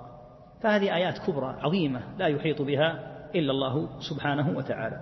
هذا العرش أيضا ثبت أن له قوائم ولهذا في الحديث الصحيح أن النبي صلى الله عليه وسلم قال إن الناس يصعقون فأكون أول من يفيق فإذا أنا بموسى آخذ بقائمة من قوائم العرش. فهو خلق من خلق الله تعالى عظيم جدا وجاء في بعض النصوص ما يدل على كبر حجم هذا العرش وعظم قدر هذا العرش وهذا العرش على الماء كما قال تعالى وكان عرشه على الماء وهذا العرش أيضا جاء وصفه بالمجيد في بعض القراءات ذو العرش المجيد ذو العرش المجيد ذو العرش المجيد يكون المجيد لله يعني المقصود اسم الله عز وجل المجيد. وإذا قرأت ذو العرش المجيد فالمقصود بالمجد هنا العرش. فهو مخلوق قد استوى الله تعالى عليه استواء يليق بجلاله وعظمته. قال والكرسي حق. كرسي هو الوارد أيضا في الآية المعروفة آية الكرسي. قال تعالى وسع كرسيه السماوات والأرض. هذا الكرسي قال ابن عباس فيما ثبت عنه وقال أيضا أبو موسى الأشعري رضي الله عنهما فيما ثبت عنه الكرسي موضع القدمين والعرش لا يقدر قدره إلا الله تعالى. فهذا الكرسي بمثابة المرقاة إلى العرش والعرش على ما ذكر. وهذه الأمور الغيبية العظيمة كما قال المصنف هنا والعرش والكرسي حق يعني نؤمن بها لأن الله أخبر بها وأخبر أنه قد استوى على العرش وأنه تعالى وسع كرسيه السماوات والأرض ولا يحيط بمثل هذه الأمور أحد كائنا من كان. لما ذكر أمر العرش وأن الله استوى عليه أراد أن يبين أمرا وأن استواء الله تعالى على العرش ليس كاستواء المخلوقين لأن الله تعالى لم يستوي على العرش محتاجا إليه. ولهذا قال وهو مستغن عن العرش وما دونه. ما دونه أي من جميع المخلوقات لأن العرش هو أعلى المخلوقات فالذي دون العرش إلى الحضيض الأسفل التحتاني كله دون العرش. من السماوات السبع وما بينهما والأرضين السبع إلى آخرها كلها تحت العرش. فالله مستغني وليس استواءه تعالى كاستواء المخلوق الذي هو محتاج إلى ما استوى عليه. فالعرش عند المخلوقين إذا استووا عليه إنما يستوون عليه كما قال تعالى في ملكة اليمن ولها عرش عظيم. هي إليه محتاجة. أما الرب فهو مستغن عن العرش وليس استواءه تعالى استواء على العرش استواء حاجة حاشاه سبحانه وتعالى من ذلك. ولهذا نبه على هذا قال وهو مستغن عن العرش وما دونه. ثم قال في هذا الموطن محيط بكل شيء أي الله عز وجل محيط بكل شيء من العرش والسماوات والأراضين جميع المخلوقات قد أحاط بها سبحانه وتعالى قال وفوقه أي أن الله فوق العرش. وهذا الموطن مهم جدا في هذه العقيدة لأن فيها لأن فيه أظهر الدلالة على أن الطحاوي رحمه الله تعالى يقر بالعلو وأن الذين فسروا كلامه من ذوي الزيغ في شرح هذه العقيدة بأنه لا يقر الصفات يكذبهم هذا الموطن أن الرب فوق جميع المخلوقات. وقد أعجز عن الإحاطة خلقه. فالله تعالى لا يحيط به كما قال تعالى ولا يحيطون به علما. هذا الموطن فيه دلالة على علو الله عز وجل والشارح رحمة الله عليه ذكر أنواع الأدلة الدالة على العلو. يقول أهل العلم إن الأدلة الدالة على علو الله عز وجل أكثر من ألف دليل. يعني إذا أفردت وأوصلها ابن القيم رحمه الله تعالى في النونية إلى واحد وعشرين نوعا. النوع تحته مجموعة أفراد من الأدلة. فمن أنواع الأدلة على أن الله تعالى في العلو التصريح بأنه تعالى في السماء. ولذلك أفراد أدلة. منها قوله في سورة تبارك أأمنتم من في السماء؟ ثم الآية بعدها أم أمنتم من في السماء؟ ومنها حديث الجارية أين الله؟ قالت في السماء. قال من أنا؟ قالت رسول الله. قال أعتقها فإنها مؤمنة فشهد لها بالإيمان لما شهدت أن ربها تعالى في السماء وأن محمدا رسول الله. قال صلى الله عليه وسلم ارحموا من في الأرض يرحمكم من في السماء. وقال ألا تأمنوني وأنا أمين من في السماء؟ فالأدلة كثيرة وهكذا التصريح بالفوقية. يخافون ربهم من فوقهم وهو القاهر فوق عباده موضعان. فالتصريح بالفوقية ذكر في القرآن في ثلاثة مواضع وهكذا التصريح بالعروج. تعرج الملائكة والروح إليه. وهكذا حديث المعراج الذي ذكرنا بالأمس وهو واضح الدلالة جدا على أن الرب تعالى فوق السماء السابعة. ومن الأدلة أيضا التصريح بارتفاع الشيء إليه. ومن الأدلة أن النبي صلى الله عليه وسلم كما في صحيح مسلم أشار إلى الله تعالى في أكبر مجمع وجد في الإسلام وهو حجة الوداع فإنه خطب فيهم وجاء في بعض كلام أهل العلم أن الذين حضروا حجة الوداع مئة ألف أو أكثر من مئة ألف. فقال صلى الله عليه وسلم لما خطب فيهم وأنتم تسألون عني فما أنتم قائلون. قالوا نشهد أنك قد أديت وبلغت ونصحت. فقال صلى الله عليه وسلم هكذا. اللهم يشير إلى الله تعالى. ثم يعيد أصبعه فيقول اشهد. ثلاث مرات. الإشارة أي إلى الله تعالى. وقال صلى الله ومن الأدلة أيضا التصريح بأن الأيدي بأن الأيدي ترفع إليه تعالى. إن الله لا يستحي من عبده إذا رفع إليه يديه أن يردهما صفرا. فدل على أن اليدين ترفعان إلى الله تعالى. وهكذا من الأدلة التصريح بنزول الشيء من عنده. الحمد لله الذي أنزل على عبده الكتاب. تنزيل من حكيم حميد. فالذي يكون آتيا من عنده تعالى يصرح فيه بأنه نزل من عنده والذي يكون ذاهبا مرتفعا يصرح بأنه يعرج إليه يصعد إليه يرتفع إليه وهكذا. فالأدلة على هذا كثيرة جدا وصنف الذهبي رحمه الله تعالى مصنفا كبيرا سماه العلو للعلي الغفار. ذكر فيه كثيرا جدا من الأدلة من الأحاديث.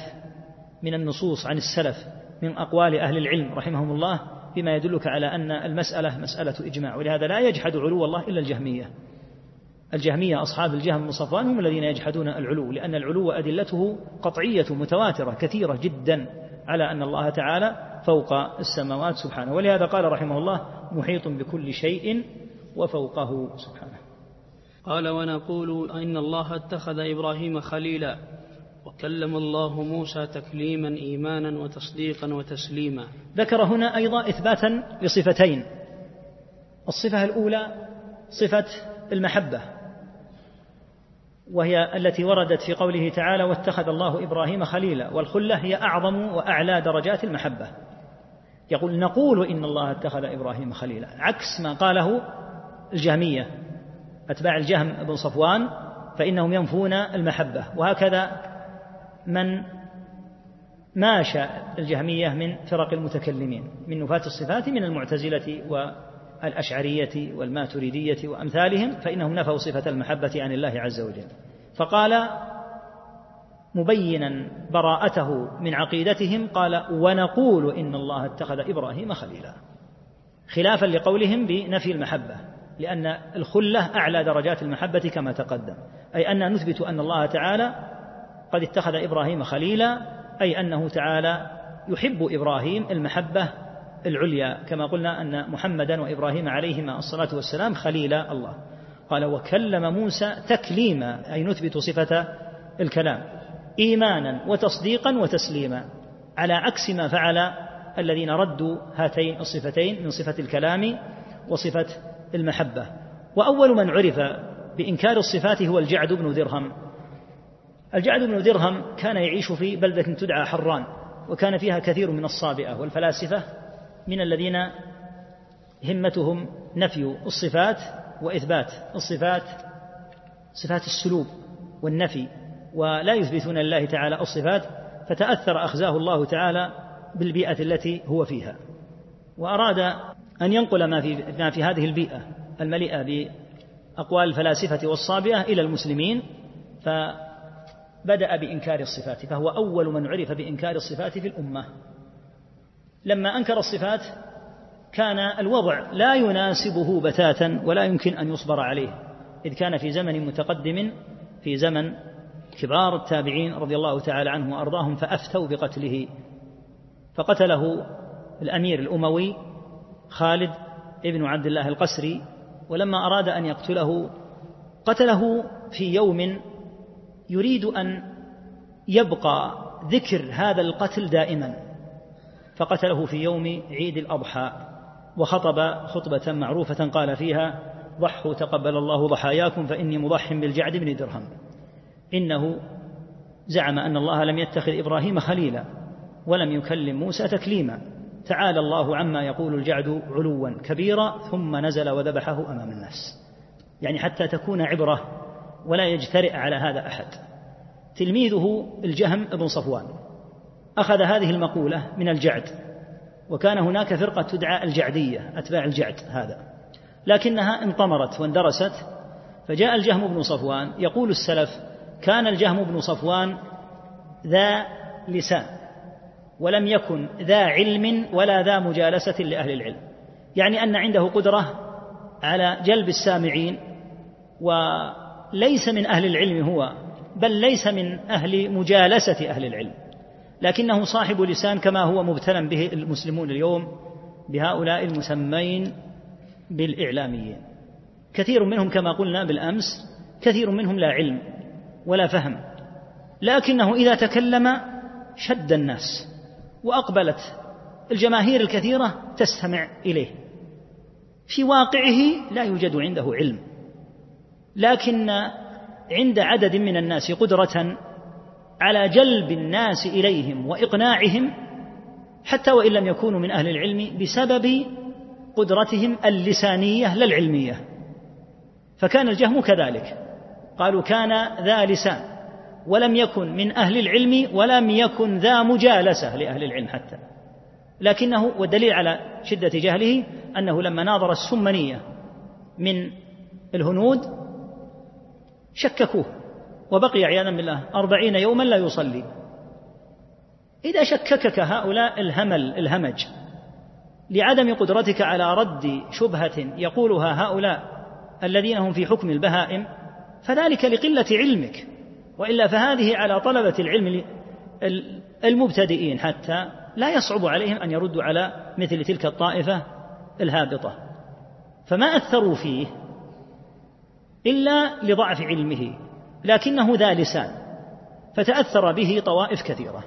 يقول ابن القيم رحمه الله تعالى في بيان أن الجهم بن صفوان تأثرت به طوائف البدع من معتزلة ومن إباضية فيما جد ومن أشعرية وماتريدية وغيرهم ممن أتوا يقول رحمه الله. فلذا تقاسمت الطوائف قوله وتوارثوه إرث ذي سهمان. يعني كأنه شخص ورث عياذا بالله. وهذه الطوائف أضحت كأنها الورثة. فتجد قوله في الإيمان عند طائفة لأنه من المرجئة. وتجد قوله في القدر وهو الجبر عند طائفة. تجد قوله بإنكار الصفات عند طائفة. لهذا قال توارثوه. قال لم ينجو من أقواله طرا سوى أهل الحديث وعسكر القرآن. هم أهل السنة. هم الذين نجوا لأنهم يعيدون الأمور إلى القرآن والسنة. الجهم هذا ابتلي به الناس وفشى قوله في كثير منهم ففي آخر الدولة الأموية وجده الأمير سلم بن أحوز. سلم بن أحوز هذا أحد أمراء بني أمية. لكنه كان في أواخر الدولة قبل سقوطها بفترة يسيرة. أظن عام 130 فلما عثر عليه صار الجهم يستعطفه ويطلب منه أن يبقيه. فقال لقد سمعت منك قولا عاهدت الله منذ سمعته عنك أن أقتلك. والله لو كنت في بطني لشققت بطني حتى أقتلك. يقول من خبث عقيدتك. أنا لا أقتلك لأنك عارضت بني أمية. يقول لكن بلغني عنك من هذه العقائد الزائغة ما أقسمت بالله قسما عاهدت الله عليه أن أقتلك إن تمكنت منك. فإن كنت تظن أني سأعفو عنك بهذا الاستعطاف فسأقتلك حتى لو أدى قتلك إلى أن أقتل أنا. لو كنت في بطني شققت بطني حتى أقتلك. لخبث عقيدة الجهم. قال أهل العلم الجهم أخذ بأخس المذاهب فهو في الإيمان من غلاة المرجئة.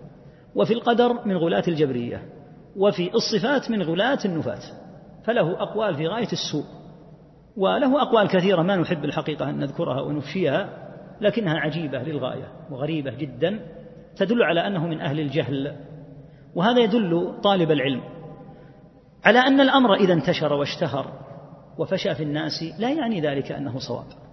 وإلا فهذا الرجل وهو الجهم بن صفوان انتشرت مقالته في تلك الطوائف مع أنه رجل ليس من أهل العلم أصلا ولم يستطع أن يرد حتى على السمنية من الهنود.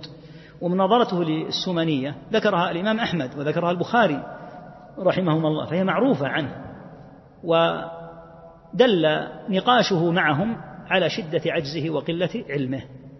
ولهذا بنى مقولته في النفي على تلك المقولة على تلك الشبهة التي قالتها له السمنية من الهنود. فالحاصل أن هذه المقولة مقولة إنكار الصفات لا تعرف في الأمة أبدا إلا على يد الجعد بن درهم. والجعد كما قلنا لم يمهل قتل على يد القسري ثم أخذها الجهم بن صفوان ففشت من كلامه لأنه كان ذا لسان ولم يكن ذا علم ولا مجالسة. نعم. أحسن الله عليك قال ونؤمن بالملائكة والنبيين والكتب المنزلة على المرسلين ونشهد أنهم كانوا على الحق المبين. هذا الموضع كما قلنا يدل على أن الطحاوي رحمه الله لم يرتب ترتيبا محددا. عاد هنا ليذكر الركن الثاني وهو ركن الإيمان بالملائكة عليهم الصلاة والسلام ثم ركن الأنبياء الإيمان بالأنبياء وركن الإيمان بالكتب. وقلنا إن الشارح رحمه الله تعالى قال إن الطحاوية لم يرتب هذه العقيدة ترتيبا وفق منهج محدد ولو أنه رتبها لكان ذلك أجدى على ما في حديث جبريل بأن يذكر ما يتعلق بالإيمان بالله ثم ما يتعلق بالإيمان بالملائكة ثم الكتب ثم الرسل ثم اليوم الآخر ثم القدر. ويكون الكلام في كل موضع حتى يفرغ ثم يبدأ في الموضع الذي يليه.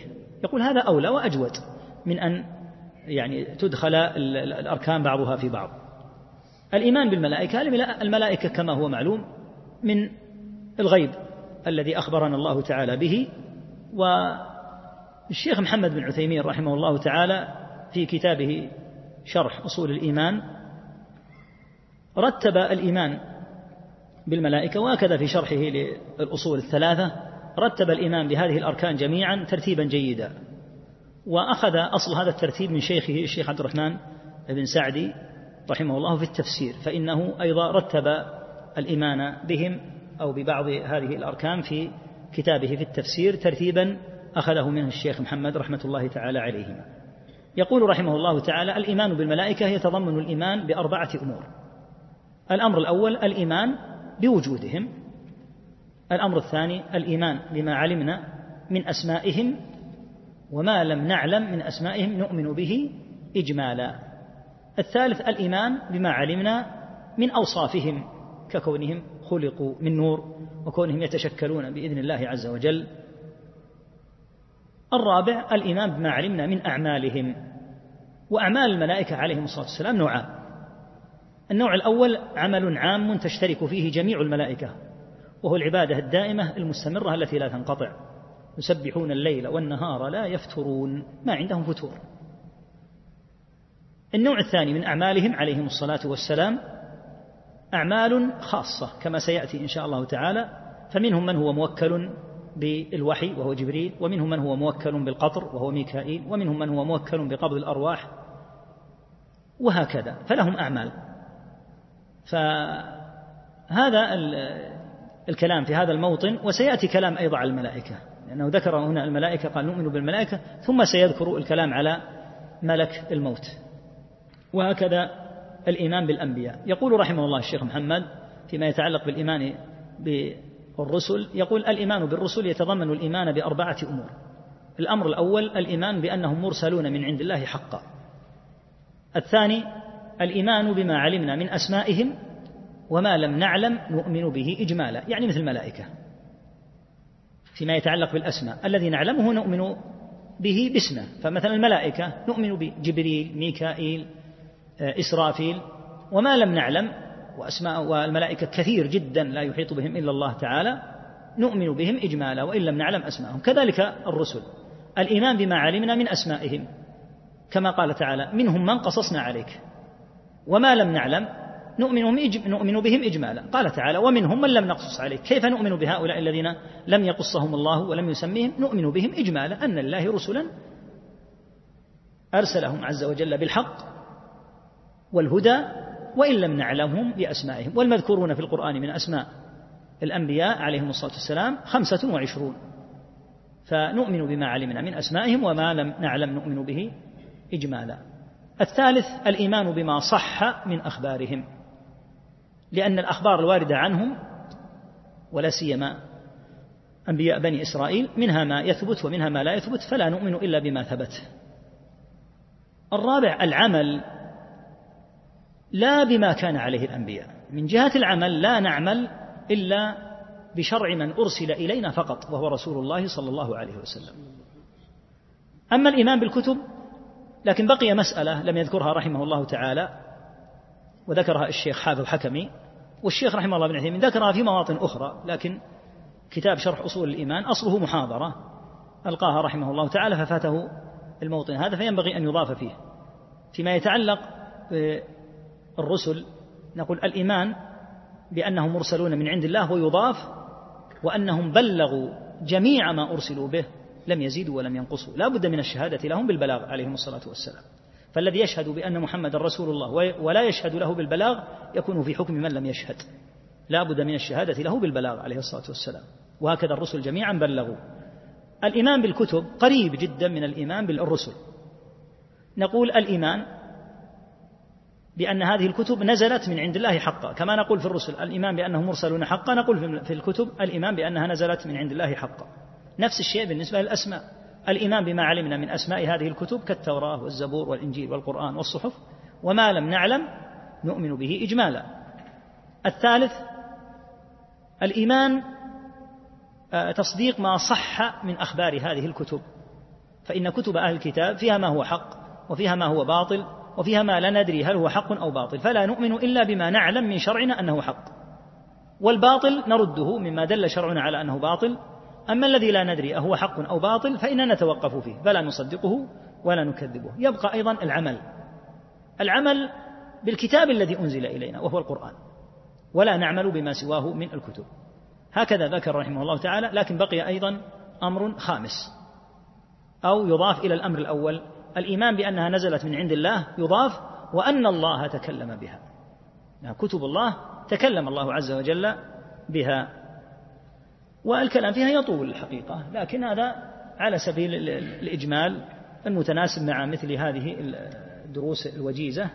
فالطحاوي يقول نؤمن بالملائكة والنبيين والكتب المنزلة على المرسلين ونشهد أنهم كانوا على الحق المبين عليهم الصلاة والسلام. ذكر الله تعالى هذه الأركان. الستة في مواضع منها قوله تعالى آمن الرسول بما أنزل إليه من ربه والمؤمنون. كل آمن بالله وملائكته وكتبه ورسله لا نفرق بين أحد من رسله. وقال الله تعالى ليس البر أن تولوا وجوهكم قبل المشرق والمغرب ولكن البر من آمن بالله واليوم الآخر والملائكة والكتاب والنبيين. القدر ذكر في قوله تعالى إنا كل شيء خلقناه بقدر. نعم. وكذلك حديث جبريل لما سأله عن الإيمان قال الإيمان أن تؤمن بالله وملائكته وكتبه ورسله واليوم الآخر وتؤمن بالقدر. نعم. صلى الله عليك قال ونسمي أهل قبلتنا مسلمين مؤمنين. ما داموا بما جاء به النبي صلى الله عليه وسلم معترفين. وله بكل ما قاله وأخبر مصدقين. أهل القبلة هم الذين يستقبلون الكعبة عند صلاتهم. ولهذا يطلق هذا الاسم على كثيرين من أهل الحق وحتى أهل البدع. الظاهر من أمرهم أنهم أهل قبلة لأنهم يصلون إلى هذه القبلة. أما النصارى فيصلون إلى قبلة غير قبلتنا واليهود يصلون إلى غير قبلتنا كما قال تعالى وما أنت بتابع قبلتهم وما بعضهم بتابع قبلة بعض. لكن كل من يشهد أن لا إله إلا الله وأن محمد رسول الله ويصلي يقول الكعبة هي قبلتنا. جاء في الحديث أنه صلى الله عليه وسلم قال من صلى صلاتنا واستقبل قبلتنا وأكل ذبيحتنا فذلك المسلم. الذي له ذمة الله وذمة رسوله. قطعا إذا لم يرتكب ناقضا من نواقض الإسلام. وإلا فلو أنه صلى صلاتنا واستقبل قبلتنا وأكل ذبيحتنا وجحد الجنة أو جحد النار فإنه لا يكون من أهل الإسلام قطعا لأنه يكون قد ارتكب ناقضا. فأهل القبلة نسميهم أهل الإسلام. الظاهر منهم هو الإسلام. ما داموا بما جاء به النبي صلى الله عليه وسلم معترفين. هذا قيد مهم. لو أنه رد شيئا معلوما مما جاء به النبي صلى الله عليه وسلم وصلى إلى قبلتنا لا نقول إن هذا من أهل الإسلام. فإذا قال أنا أصلي إلى هذه القبلة لكن لا أؤمن باليوم الآخر وما فيه من بعث وجنة ونار يقول لست من أهل القبلة. أنت مرتد بهذا كافر. وإن اتجهت إلى القبلة لهذا قال ما داموا بما جاء به النبي صلى الله عليه وسلم معترفين وله بكل ما قال. وأخبر مصدقين. فيجب أن يتفطن إلى أن أهل القبلة اسم عام الأصل أنه يطلق على جميع من اتجه إلى القبلة لكن إذا ارتكب ناقضا من نواقض الإسلام واضحا خرج به عن الملة فلا يقال إنه من أهل القبلة. نعم. الله إليك. قال ولا نخوض في الله ولا نماري في دين الله. بدأ هنا في النهي عن الخوض في من؟ في رب العالمين. لا يخوض في الله عز وجل إلا أبلد الناس وأقلهم علما به تعالى. الرب لا يخاض فيه. الرب يتعلم من النصوص الاعتقاد فيه. أما أن يخاض في الله هكذا بلا علم ومن الناس من يجادل في الله بغير علم ولا هدى ولا كتاب منير. هذه ليست فعل أهل الإسلام. فلا يحل أن يخاض في الله عز وجل وفي أسمائه وصفاته بلا علم. يشير رحمه الله كما ذكر الشارح إلى طريقة المتكلمين من المعتزلة وأضرابهم الذين يتكلمون في الله تعالى بغير علم. وإنما هي بهذه الظنون والتوهمات وهم من أجهل الناس بالنصوص مع ذلك. هؤلاء المتكلمون جهلة بالنصوص جهلا عجيبا. ومع ذلك يتكلمون في الله. كيف تتكلمون في رب العالمين وأنتم لم تتقنوا النصوص الواردة من جهة معناها في القرآن ولا حتى من السنة؟ هم بالسنة يجهلون جهلا عظيما. ولهذا قال لا نخوض في الله فلا يجوز الخوض في الله وإنما يتكلم في الله بما تكلم به الرب عن نفسه وبما عرف به النبي صلى الله عليه وسلم عرف به الأمة. أما أن يخاض في الله بلا علم بلا هدى فلا شك أن هذا ليس طريق أهل الحق وأهل الإيمان. قال ولا نماري. المماراة هي المخاصمة والمناظرة. لا نماري في دين الله عز وجل وإنما نذكر الحق ونبينه. نعم نرد على أهل الباطل ولكن المناظرة والمخاصمة لا شك في خطورتها لأن ثمة عواما قد تعلق بقلوبهم الشبهة ولا يفهمون ردها يعني قد يتناظر اثنان أحدهما من أهل السنة والثاني من أهل البدعة فيرد السني ويدحض الشبهة لكن الإشكال أن العامية لم يفهم الرد ولهذا المناظرات فيها ما فيها من الخطر ولهذا جعل أهل العلم لها ضوابط شروطا ولا بد أن يكون لها أصلا يرجع إليه المتناظران فلا تكون هكذا.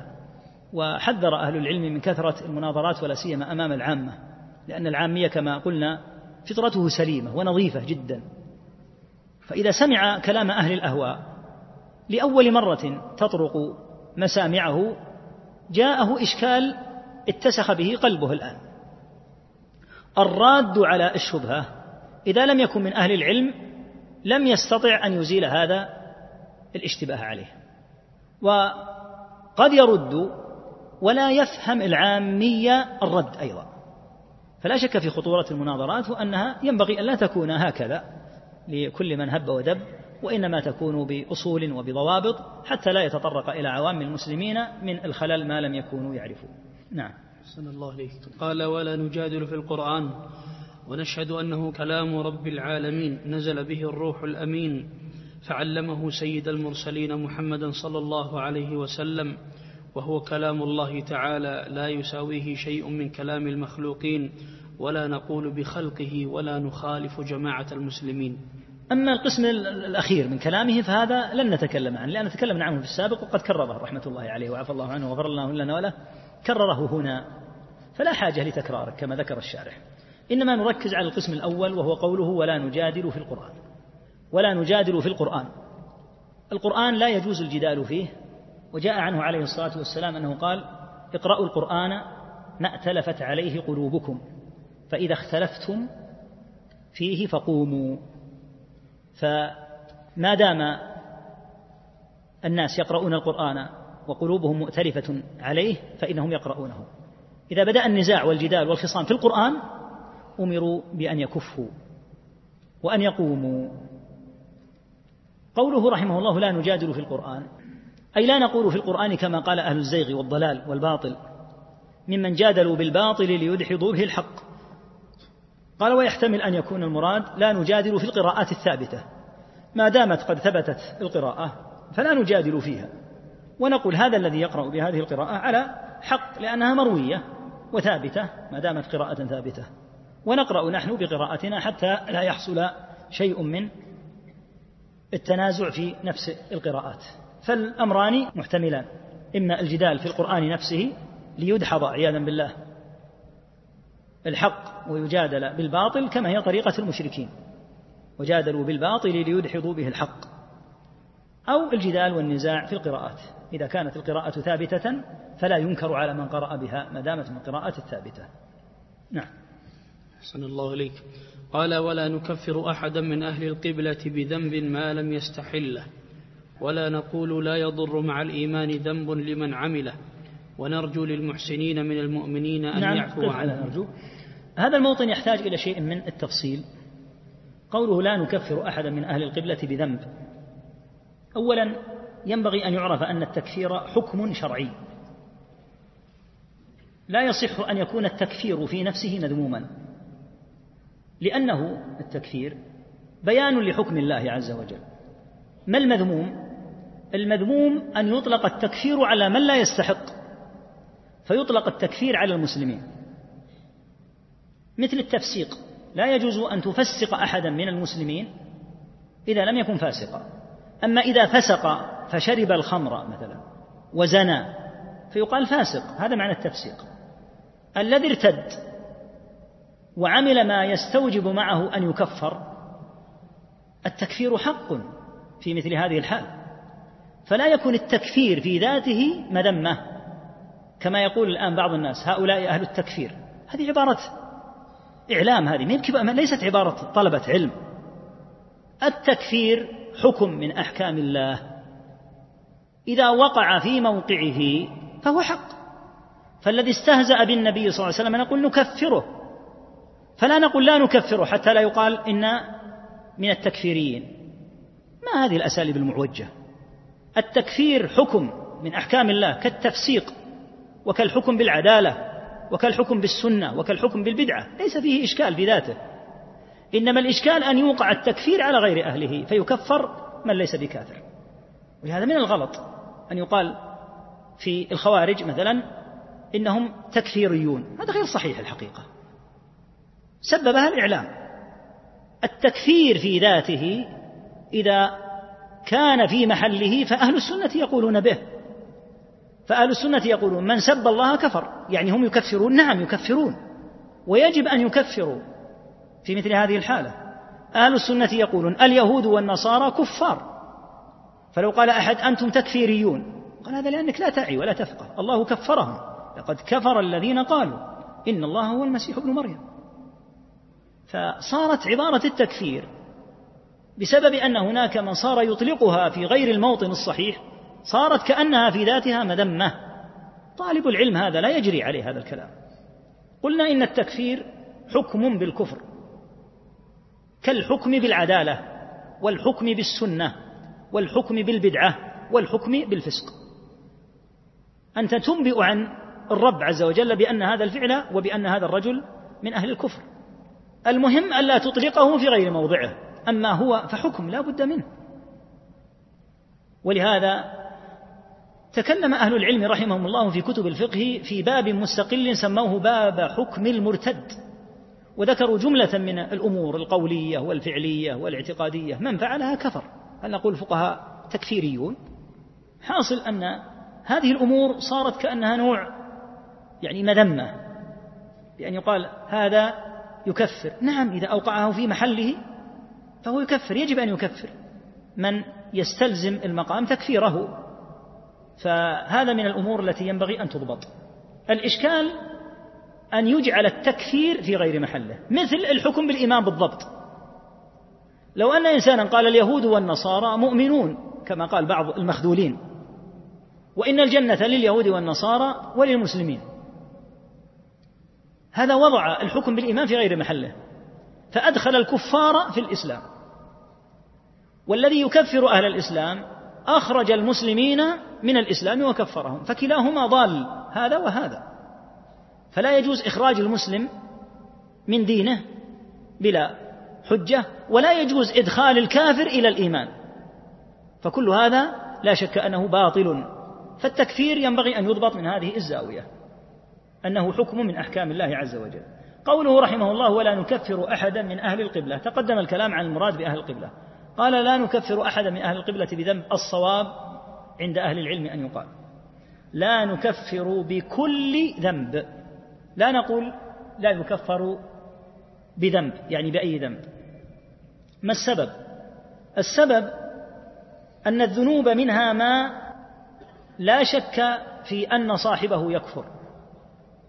وهي المتعلقة والعياذ بالله بسب الله مثلا أو سب الرسول صلى الله عليه وسلم كما سيأتي الكلام عليه أو نعوذ بالله رمي المصحف في مواضع النجاسة ونحو ذلك فهذه من فعلها فإنه يكفر حتى لو لو زعم أنه لا يستحل لأنه يقول ما لم يستحله. فلو قال إنسان والعياذ بالله أن أحدا شتم الله نسأل الله العافية كما يفعل بعض المخذولين أو سب الله أو سب النبي صلى الله عليه وسلم. فقيل هذا منك كفر. قال لا أنا ما استحللت هذا. أنا أسب هكذا على لساني لكن قلبي ما يستحل هذا. يقال كفرت مطلقا. وهذه البدعة بدعة أنك تستحل الكفر بدعة جهمية بلا شك. الجهم بن صفوان هو أول من قال إن الساجد للصنم لا يكفر إلا إذا استحل. أول من قالها الجهم بن صفوان. وإذا رجعت كلام جهم بن صفوان وجدته أول من قال بهذا. وقد عظم الإمام أحمد وشنع على الجهمية بسبب هذا. أن يقول الإنسان إنه يسجد للصنم ثم يقول أنا ما استحللت السجود للصنم. يشتم الرب يسب النبي صلى الله عليه وسلم يقول أنا ما استحللت. يقول ما دمت لم أستحل فأنا لا, فأنا لا أكفر. بل تكفر رغما عنك كما سيأتي تفصيل الكلام على الكفر بإذن الله. إذا الصواب أن يقال لا نكفر بكل ذنب. ما الذنوب التي لا يكفر بها أهل السنة؟ الذنوب التي تقع من عصاة الموحدين. فيقع منهم مثلا شرب الخمر أو والعياذ بالله الزنا أو السرقة أو نحو ذلك. هذه لا شك أنهم لا يكفرون بها إذا كانت مجرد عمل يعملونه. فهذه تقع من كثير من عصاة الموحدين. لكن لو أنه قال إنها حلال فإنه يكفر لاحظ حتى لو لم يفعلها. يعني لو أن إنسانا قال الزنا حلال لكنه لا يزني يقال كفرت حتى لو لم تزني. فالزنا فعله من حيث هو ليس كفرا قطعا ولا يكفر بالزنا والسرقة ونحوها إلا الخوارج. لكن لو أنه قال إن الزنا حلال فإنه يكفر به. إذن الصواب أن يقال لا يكفر بكل ذنب. فالفاعل للذنوب إما أن يفعلها لمجرد الشهوة وضعف الإيمان مع اعتقاده أنه آثم فهذا لا شك أنه من عصاة الموحدين وهم الذين تقدم الكلام عليهم في الشفاعة وأنه يشفع لهم وأنهم يخرجون من النار بعدما دخلوا. هم عصاة أهل الإسلام. لكن إذا استحله وقال إنه حلال فهذا بالإجماع يكون به كافرا لأنه استحل الحرام حتى لو لم يفعله. ولهذا الصواب أن يقال لا نكفر بكل ذنب. لهذا لما قيل الإمام أحمد رحمه الله تعالى لا نكفر أحدا بذنب قال للقائل اسكت من ترك الصلاة كفر. يعني لا تطلق العبارة هكذا. قل لا نكفر بكل ذنب لأن الصواب أن ترك الصلاة كفر على الصحيح الذي دل عليه فعل الصحابة رضي الله عنهم فيه الأحاديث والنصوص الجلية على كفر تارك الصلاة. فإذا قلت لا نكفر بالذنب مطلقا تكون عبارة غير محررة. لكن قل لا نكفر بكل ذنب فمن الذنوب ما يكفر المرء إذا وقع فيها. ثم إنه رد على المرجئة وهم الغلاة منهم الذين قالوا لا يضر مع الإيمان ذنب. المرجئة عكس الخوارج. الخوارج عظموا من شأن الكبائر وكفروا صاحب الكبيرة. المرجئة عكسهم عياذا بالله. سهلوا وهونوا من أمر الذنوب. وقالوا ما دام مؤمنا فحسنة الإيمان الكبرى تضمحل معها هذه الذنوب. فجرأوا الناس على المعاصي. نسأل الله العافية والسلام ولهذا تجد مذهب المرجئة إذا انتشر انتشر معه الجرأة على المعاصي. الخوارج عكسهم. قنطوا العصاة من رحمة الله. وجعلوهم في مقام أبي جهل وفرعون وإبليس. قالوا من شرب الخمر ومات عليه ولم يتب فإنه حكمه حكم الكفار. يخلد معهم في النار. هذه مقولة لا يقولها إلا من قال صلى الله عليه وسلم فيهم حدثاء الأسنان سفهاء الأحلام. لا يقول هذا الكلام إلا سفيه. أن يقال إن المسلم الموحد المصلي الحاج الصائم إذا مات على كبيرة فإنه مثل إبليس ومثل أبي جهل هذا لا يقوله إلا سفيه كما ذكر صلى الله عليه وسلم في الخوارج. بل يدخل النار إذا شاء الله تعالى له أن يدخلها ويمكث فيها ما شاء الله. ثم يأذن الله تعالى بالشفاعة لأن عنده إيمانا. فالمرجئة قالوا هذا الإيمان لا تضر معه المعصية. فرد عليهم هنا قال لا نقول لا يضر مع الإيمان ذنب لمن عمله يعني كما تقول المرجئة. نعم. أحسن الله عليك قال ولا نقول لا يضر مع الإيمان ذنب لمن عمله ونرجو للمحسنين من المؤمنين أن يعفو عنهم ويدخلهم الجنة برحمته ولا نأمن عليهم ولا نشهد لهم بالجنة ونستغفر لمسيئهم ونخاف عليهم ولا نقنطهم. المسلمون نوعان إما أن يكونوا من أهل الطاعة التي غلبت عليهم فهم من أهل الإحسان والخير والصلاح وإما أن يكونوا مسلمين موحدين لكنهم من أهل المعاصي. فالمحسنون وأهل الصلاح نرجو لهم رجاء ولا نقطع قطعا بأنهم من أهل الجنة لكن نرجو لهم. نرجو الله تعالى أن يدخلهم الجنة وأن يعفو عنهم كل ذلك برحمته تعالى. يقول ولا نأمن عليهم. فهذا العالم الذي أفنى عمره في نشر السنة والرد على البدعة وعاش تسعين أو مئة سنة في هذا لا نأمن عليه نخاف يمكن أن يعاقب لأن الله سبحانه إذا شدد عليه الحساب هلك. فلا نأمن بتاتا. وهكذا المجاهد في سبيل الله الذي يجاهد لتكون كلمة الله هي العليا.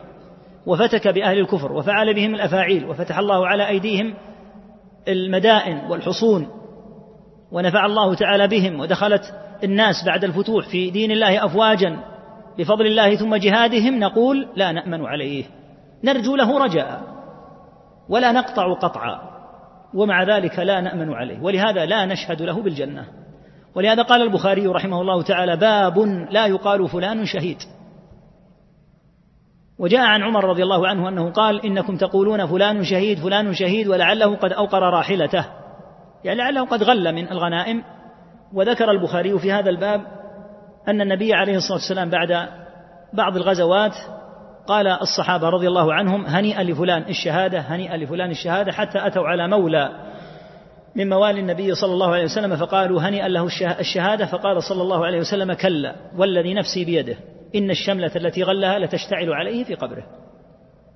مع أنه غل شملة ومع ذلك عوقب.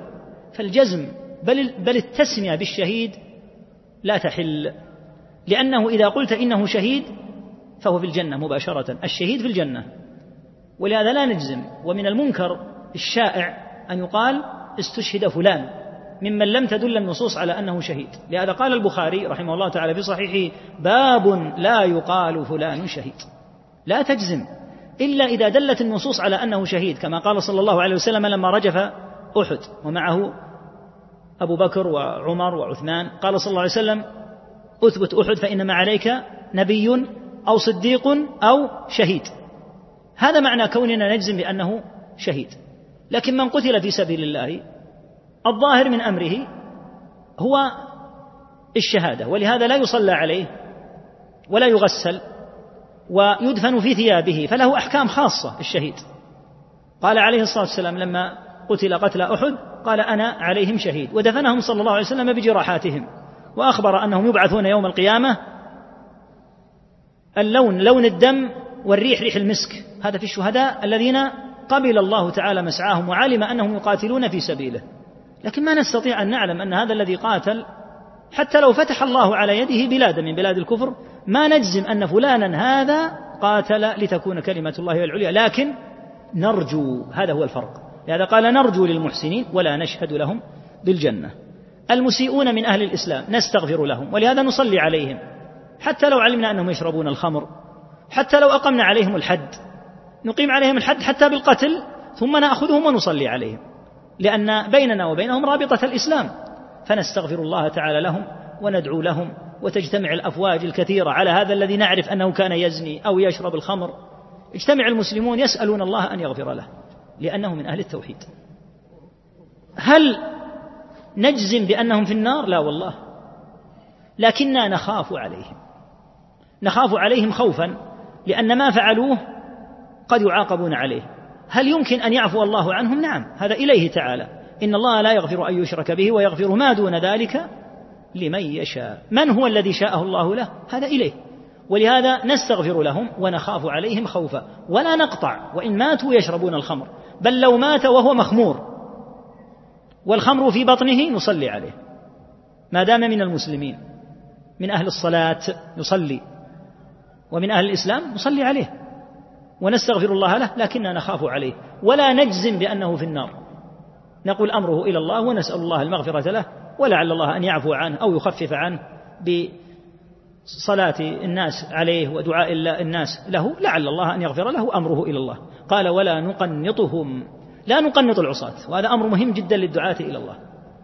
نحن ننكر المعصية ونحتسب على أصحابها ونقاومهم بل قد يشتبك معهم حتى بالضرب. قد تقام عليهم الحدود لكنهم أهل الإسلام. لا يقنطون من الرحمة كما يقنط المشرك والكافر. لا نقنطهم. وإن أقمنا الحد وإن سجنوا وإن أقيم عليهم التعزيرات الشرعية الكثيرة لكن مع ذلك لا نقنطهم. وهذا هو التوازن. هو التوازن. لتبقى أحكام الله قائمة على هؤلاء لا يعبثوا بهذه الأحكام العظيمة. وفي الوقت نفسه لا يقنطون من رحمة الله ويرغبون في التوبة ويطلب منهم أن يتوبوا وأن يؤوبوا إلى الله عز وجل. حتى الذين يقتلون يكون قد قتل إنسانا فإذا أريد قتله فإنه يعرض عليه أن يتوب. أنت الآن مقدم ستقتل. دقائق ويطيح السيف برقبتك. استغفر من ذنبك واسأل الله عز وجل العفو. فأهل السنة أرحم الناس بالناس. أهل السنة أرحم الناس بالناس. حتى لو أقاموا الحدود فهم يرحمون أهلها. والحدود كما قال صلى الله عليه وسلم كفارة لأهلها. هذه الحدود رحمة من رحمة الله عز وجل. أما الذي يقتل إنسانا ويلقى الله به ولم يقم عليه الحد فلا شك أن أمره عظيم. لكن إذا أقيم عليه الحد سواء في قتل أو شرب خمر أو سرقة أو غيرها فلا شك أن ذلك يرجى أن يكون كفارة له. وبهذا تعرف توازن أهل السنة رحمهم الله. فلا يفتحون الباب لأهل الفساد ليعبثوا وفي الوقت نفسه لا يقنطونهم من رحمة الله. والصالحون فيهم لا يغلون فيهم ويجزمون لهم بالجنة وإنما يرجون الله تعالى لهم رجاء فقط. ولا يجزمون بأنهم من أهل الجنة إلا كما سيأتي من دل النص على أنه من أهل الجنة هذا يجزم له بعينه. أو من دل النص على أنه من أهل النار بعينه هذا يجزم له بعينه بأنه من أهل النار كما يأتي إن شاء الله. عفى الله عنك. قال والأمن والإياس ينقلان عن ملة الإسلام وسبيل الحق بينهما لأهل القبلة. الأمن أي من مكر الله ونقمته وسطوته. وضده اليأس من رحمة الله وغفرانه وروحه. هذان سبيلان فاسدان. فالآمن من مكر الله تعالى يجترئ على المعاصي. وكلما نبهته وحذرته قال الله غفور رحيم. كما هو حال كثير من العصاة للأسف. لا يعرف من النصوص إلا أن الله غفور رحيم. ولا يدري أو كأنه لا يدري أن الله تعالى شديد البطش عظيم النقمة. أنه تبارك وتعالى كما أنه غفور رحيم فإنه شديد العقاب. ولهذا جاءت النصوص بالجمع بين الأمرين. اعلموا أن الله شديد العقاب وأن الله غفور رحيم. شديد العقاب حتى لا تأمن من مكره. واعلموا أن الله شديد العقاب وأن الله غفور رحيم حتى لا تيأس من رحمته. فيكون العبد بين الخوف والرجاء كما يأتي. قوله ينقلان عن ملة الإسلام. الأصل أن مجرد الخوف أن مجرد الأمن من مكر الله الذي يقع فيه العصاة لا ينقلهم. بحيث يكفرون هذا هو الأصل. لكن لو بالغوا المبالغة التي يكون فيها جرأة على الرب سبحانه وتعالى بحيث يكونون على حال من المجاهرة لرب العالمين عز وجل وعدم الاكتراث به تبارك وتعالى وعدم الخوف منه أي خوف هذا يتصور فيهم أن يكونوا منقولين عن ملة الإسلام. واليأس أيضا اليأس الذي قد يقع فيه بعض العصاة. بعض الناس يكون قد أسرف على نفسه مدة طويلة وهذا يقع من بعض العصاة الآن. يعني إذا استذكر ما فعل في شبابه وما وقع منه من مثلا شرب خمر وزنا وضرب الناس وسرقات وسطو واستذكر هذا ثم تاب فإن منهم مجموعة يدلس عليهم أيضا الشيطان كما دلس عليهم في الأول بأن عبث بهم. يدلس عليهم بأن الله تعالى لن يغفر لك. كيف يغفر لك؟ قد فعلت كذا وكذا من الزنا وفعلت كذا وكذا من شرب الخمور وفعلت كذا وكذا من ترك الصلوات. هو الآن عاد بحمد الله وفضله فلا يجوز أن ييأس. لا يجوز أن ييأس ويأسه ذنب. يعني لا يتصور أن هذا اليأس منه دليل على ورعه. بالعكس والآن وقع في يعني خرج من ذنب ووقع في آخر. فكونه يخرج من تلك الذنوب هذا من رحمة الله به ومن الدلالات إن شاء الله تعالى على أن الله لعله أراد به خيرا. فإذا من الله تعالى عليه وترك الفساد والشر وأقبل على الطاعة والخير فما باله ييأس لا يجوز اليأس من رحمة الله ولا القنوط من رجاء عفوه سبحانه وتعالى واليأس لا يليق بالله. فالله تعالى غفور رحيم ودود كريم. هذا يجعله يقبل ويرجو رحمته. والآمن يقال فالله تعالى شديد البطش جبار قهار قوي عزيز. فخف ربك تعالى وإياك أن تأمن مكره. ولهذا قال وسبيل الحق بينهما. أهل الحق لا ييأسون وفي الوقت نفسه لا يأمنون. فيتركون سبيل الذين أفرطوا في الخوف ويتركون سبيل الذين أفرطوا في الرجاء. نعم. أحسن الله إليك. قال ولا يخرج العبد من الإيمان إلا بجحود ما أدخله فيه. والإيمان هو الإقرار باللسان والتصديق بالجنان وأن جميع ما أنزل الله في القرآن وجميع ما صح عن رسول الله صلى الله عليه وسلم من الشرع والبيان كله حق والإيمان واحد وأهله في أصله سواء والتفاضل بينهم بالخشية والتقى ومخالفة الهوى وملازمة الأولى والمؤمنون كلهم أولياء الرحمن وأكرمهم عند الله أطوعهم وأتبعهم للقرآن. هذا الموضع فيه عدة ملحوظات. لاحظها الشارح ولاحظها أهل العلم على المصنف غفر الله له ورحمه. أول هذه الملحوظات قوله لا يخرج العبد من الإيمان إلا بجحود ما أدخله فيه. هذا ليس بصحيح. العبد يخرج من الإيمان بناء على كلامه رحمه الله تعالى فقط على كلامه من جهة القول ومن جهة الاعتقاد. لأنه عرف الإيمان بالتعريف الذي عليه متأخر بالذي كان عليه أبو حنيفة عفى الله عنه وفقهاء الكوفة فإنهم مالوا إلى القول المعروف بقول مرجئة الفقهاء. أن الإيمان هو الإقرار باللسان والاعتقاد بالقلب فأخرجوا عمل الجوارح. ولا شك أن هذا مخالف لإجماع سلف الأمة كما حكى الإجماع الشافعي وأحمد وغير أحد. الإيمان عند أهل السنة قول باللسان واعتقاد بالقلب وعمل بالجوارح. والأدلة على هذا كثيرة ولهذا صنف علماء السنة مصنفات كثيرة جدا في الإيمان. لبيان أن الإيمان هذه هي حقيقته أنه مكون من ثلاثة أمور قول اللسان واعتقاد القلب وعمل الجوارح بناء عليه. فالكفر الذي يقول لا يخرج العبد من الإيمان يكون بقول اللسان أيضا وبعمل الجوارح وباعتقاد القلب. فقول المصنف هنا لا يخرج العبد من الإيمان إلا بجحود ما أدخله فيه كأنه حصر الكفر بالجحود. وقد تعقبه الشارح رحمه الله فيما يأتي وتعقبه الشيخ عبد العزيز باز رحمه الله وتعقبه أهل العلم بأن الكفر يكون بالقول. قال الله تعالى يحلفون بالله ما قالوا ولقد قالوا كلمة الكفر. فدل على أن الكفر يكون بالكلمة. ومن الأمثلة عليه ما فعله المنافقون.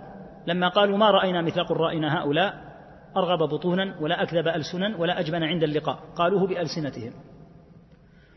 فلما نزل الوحي في قوله عز وجل قل أب الله وآياته ورسوله كنتم تستهزئون لا تعتذروا قد كفرتم بعد إيمانكم. ماذا قالوا؟ قالوا والله يا رسول الله إنما كان حديث الرهط نقطع به عنا عناء الطريق يعني ما هو قصدنا ليس من قلوبنا هذا إنما نتمازح باللسان. فكان صلى الله عليه وسلم لا يجيب المنافق إلا بقوله أب الله وآياته ورسوله. كنتم تستهزئون. لا تعتذروا قد كفرتم بعد إيمانكم. مع أنهم ادعوا أن قلوبهم لم تنعقد على ما نطقت به ألسنتهم. فدل على أن الكفر يكون باللسان بلا شك. فإذا سب الله أو رسوله صلى الله عليه وسلم أو استهزأ بالله أو برسوله صلى الله عليه وسلم وقال ليس من قلبي يقال كفرت. قلت كلمة الكفر.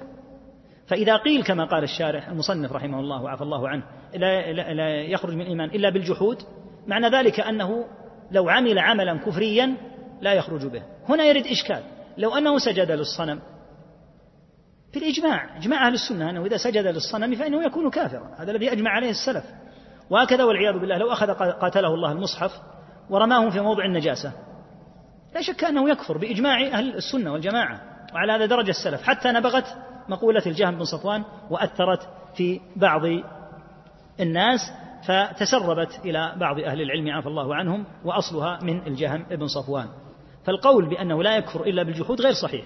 كما نقول الإيمان قول واعتقاد وعمل فالكفر يكون بالقول كما قال تعالى ولقد قالوا كلمة الكفر ويكون بالعمل كما لو رمى المصحف والعياذ بالله في موضع النجاسة. أو سجد للصنم وهو غير مكره. المكره أمر آخر لكن غير مكره لا شك أنه يكفر. وهكذا يكفر من جهة قلبه لو اعتقد عقيدة زائغة كاعتقاد هؤلاء الذين يزعمون أن أصحاب القبور يستطيعون أن يكشفوا الضر ويجيبوا المضطر ونحو ذلك. هذه مسألة عقدية اعتقدها فهي مسألة كفرية. فالكفر يكون بالقول وباللسان وبالعمل الموطن الثاني الذي قاله قاله الإيمان هو الإقرار باللسان والتصديق بالجنان. وهذا قصور بلا شك وهو قول مرجئة الفقهاء. ولا ريب أن القول أن الإيمان كما ذكر أحمد والشافعي رحمهم الله بالإجماع قول اللسان واعتقاد القلب وعمل الجوارح. المرجئة بطوائفها كلها تخرج العمل سواء غلاة المرجئة أو فقهاء المرجئة يقولون إن العمل يخرج وهذا مما باينوا به قول السلف الصالح. والدليل على أن العمل داخل في الإيمان أدلته كثيرة جدا ولو لم يكن منها إلا قول الله عز وجل وما كان الله ليضيع إيمانكم ما المراد بالآية كما في البخاري؟ المراد بها أن الصحابة رضي الله عنهم لما صرفت القبلة من بيت المقدس إلى الكعبة تساءل الصحابة عن صلاتهم الأولى إلى بيت المقدس. فقال تعالى وما كان الله ليضيع إيمانكم أي صلاتكم إلى بيت المقدس. فأطلق على الصلاة الإيمان لأن العمل من الإيمان. وهكذا قوله صلى الله عليه وسلم من صام رمضان إيمانا واحتسابا من قام ليلة القدر إيمانا.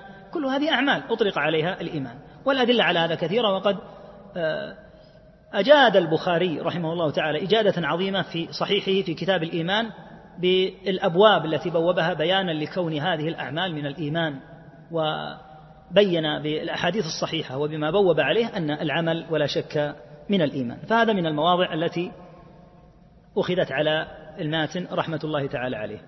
من أحسن ما روي في هذا الباب جوابا لموقف أبي حنيفة غفر الله له وعفى عنه أن حماد بن زيد رحمه الله وهو من المحدثين ناظر أبا حنيفة في قوله إن العمل لا يدخل في الإيمان.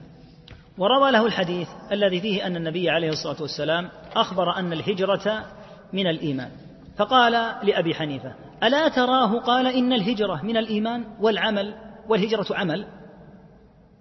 فسكت أبو حنيفة رحمه الله تعالى ولم يرد. فقال بعض أصحاب أبي حنيفة يا أبا حنيفة رد عليه. لأن في مقام مناظرة. قال تريدني أن أرد عليه وهو يحدثني بهذا عن رسول الله صلى الله عليه وسلم. ما أستطيع أرد لن أتفوه بكلمة وأتى لي بحديث. فيه أن النبي صلى الله عليه وسلم أخبر أن العمل من الإيمان.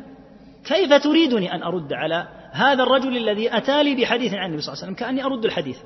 وهذا يدل على أن الفرق بين أبي حنيفة رحمه الله وبين من تعصب لقوله من المتأخرين من أصحابه فرق كبير. فإن أبا حنيفة رحمه الله تورع لما ذكر له محمد. هذه القصة ذكرها الشارح هنا عندك والذي رواها الطحاوي نفسه صاحب العقيدة. فدل على أن أبا حنيفة رحمه الله تعالى ما كان يريد المناقضة والمناهضة للنصوص ولكنه عفى الله عنه وغفر الله له يعني لم يصب في هذه المسألة. والطحاوي رحمه الله تعالى كان على طريقته فالصواب الذي عليه أهل السنة أن العمل من الإيمان بلا شك ولا تردد. ثم قال رحمه الله وجميع ما صح عن رسول الله صلى الله عليه وسلم من الشرع والبيان كله حق. يريد بهذا رحمه الله الرد على المعتزلة والجهمية وأضرابهم الذين يقولون لا نصدق من النصوص أو لا نعمل من النصوص النبوية إلا بالمتواتر. يقول كل ما صح سواء من المتواتر أو الآحاد ما دام أنه قد صح فلو لم يرد إلا حديث واحد. يقول كله حق. قال بعدها والإيمان واحد وأهله في أصله سواء. وهذه أيضا أخذت على الماتن رحمه الله على الطحاوي تعقبه عليها الشيخ عبد العزيز رحمه الله وتعقبه عليها أهل العلم. القول بأن أهل الإيمان في أصله سواء غير صحيح لأن مقتضاه أن إيمان النبي صلى الله عليه وسلم في درجته كإيمان غيره. ولا شك أن هذا لا يجوز أن يقال. بل اليقين الذي عند رسول الله صلى الله عليه وسلم يقين أرسى وأرسخ من الجبال. ولا يقال إن إيمان أبي بكر كإيمان الرسول صلى الله عليه وسلم. فضلا عن أن يقال إن إيمان الواحد منا كإيمان النبي صلى الله عليه وسلم وأن جميعا في أصله سواء. والدليل على هذا حديث ينبغي أن يضبطه طالب العلم وبوب عليه البخاري تبويبا حسنا في الصحيح وهو أن النبي عليه الصلاة والسلام قال إن أعلمكم بالله وأخشاكم له. إني أعلمكم بالله وأخشاكم له. العلم يكون بإيش؟ بالقلب. فدل على أنه أعلم من الصحابة. فإذا كان أعلم منهم دل على أن التفاوت يكون في القلب. فليس التفاوت فقط في العمل. بمعنى أن الذي صام اليوم أكثر عملا من الذي لم يصم. هذا بإجماع الجميع. معروف هذا. الذي قرأ اليوم مثلا جزءا أكثر عملا من الذي لم يقرأ. هذا واضح للجميع ما أحد يناقش فيه. إنما الكلام حتى على اليقين. قال أهل العلم اليقين الموجود في القلب مثل البصر. فالناس بين أعمى وبين مبصر. والمبصرون هل هم على حد سواء؟ لا. الذي يرى لا يقال إنه أعمى. لكن هل الذي يرى من مسيرة ثلاثة أيام؟ مثل الذي لا يرى إلا من مسيرة قليلة. يتفاوتون. وكلهم ليسوا عميان. كلهم مبصرون. فكذلك الإيمان. أهله متفاوتون تفاوتا عظيما. ولهذا قال ابن أبي مليكة كما في البخاري أدركت ثلاثين من أصحاب النبي صلى الله عليه وسلم كلهم يخاف النفاق على نفسه يعني نفاق مسائل الرياء وأمثالها وليس النفاق الأكبر. كلهم يخشى يخاف النفاق على نفسه. ما منهم أحد يقول إيماني مثل إيمان جبريل وميكائيل. وما أحد يجترئ منهم على أن يقول إيماني كإيمان جبريل وميكائيل. يقول لا يقولون إن إيماننا كإيمان الملائكة لعظم إيمان الملائكة. وهكذا الرسل عليهم الصلاة والسلام لا يقول أحد إن إيماني مثل إيمان رسول الله صلى الله عليه وسلم. لا شك أن أهل الإيمان يتفاضلون. أما قوله التفاضل بينهم بالخشية والتقى ومخالفة الهوى وملازمة الأولى فهذا واضح.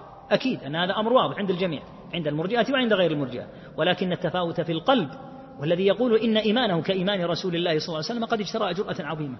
أتقول إن يقينك كيقين رسول الله؟ حاشا الله من ذلك.